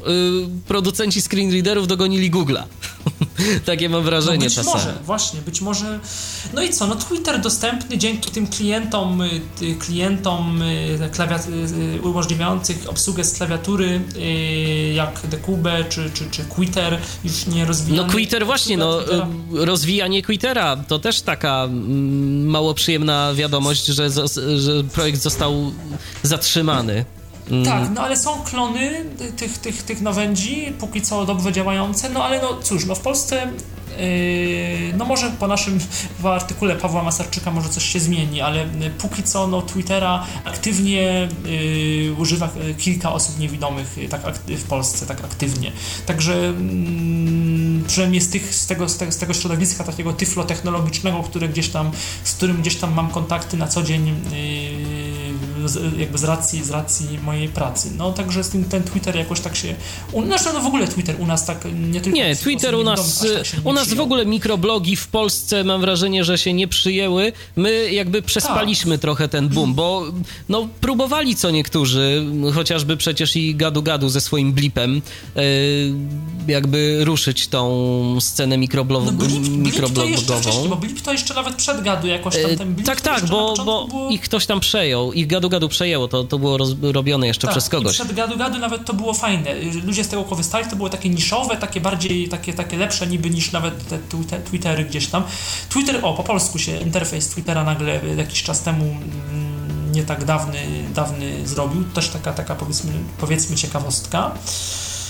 No ale Twitter u nas to głównie politycy, dziennikarze, i wiesz co, powiem ci, że y, obserwując to gdzieś tam w internecie, co dzieje się w tej takiej zagranicznej scenie Twittera, to powiem szczerze, że może nawet i dobrze, bo łatwiej jest wyłuskać z tego jakieś interesujące źródła informacji, bo y, powiedzmy jednak na Facebooku mało kto pisze ci wstałem, a teraz jem śniadanie, a teraz myję zęby, a teraz robię nie powiem co a po prostu y, tak jest wykorzystywany ten Twitter y, gdzieś tam przez takich prywatnych użytkowników, no bo to są krótkie treści, tam się nie możesz rozpisać, tam możesz co najwyżej te 140 znaków y, wiadomości umieścić, więc po prostu piszą, piszą krótko i niestety przeważnie mało treściwie. Na Facebooku jednak tych informacji, nawet od użytkowników prywatnych, którzy tam chcą się czasem czymś podzielić, jest więcej i mam wrażenie, że jest więcej wartościowych informacji.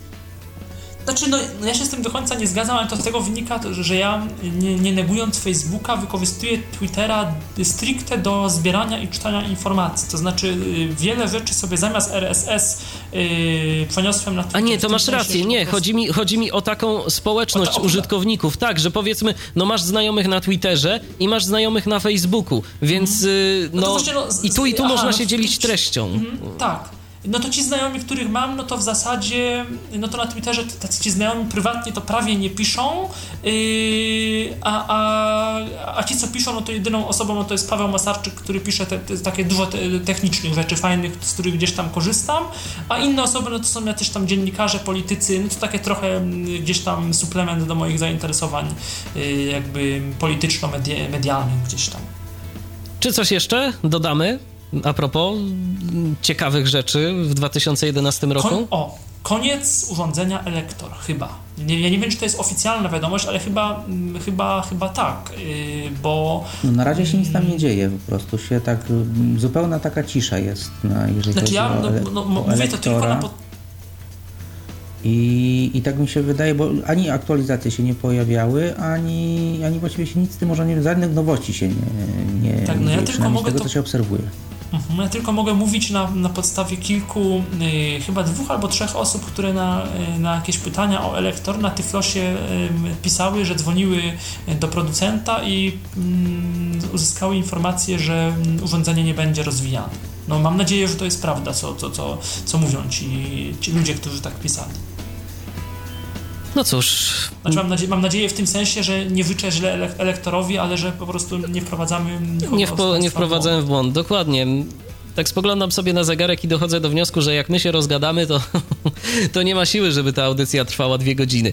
Na początku, na początku Tyflo Podcast w Radiu N trwał godzinę, e, później okazało się, że godzina to jest za mało, więc trwa dwie godziny, no ale chyba już e, trzech godzin to nie będzie trwał. W każdym razie dziś audycja trwała dwie godziny i dwadzieścia kilka minut, bo w tym momencie patrząc na zegarek 24, no już 25 prawie minut po godzinie 21.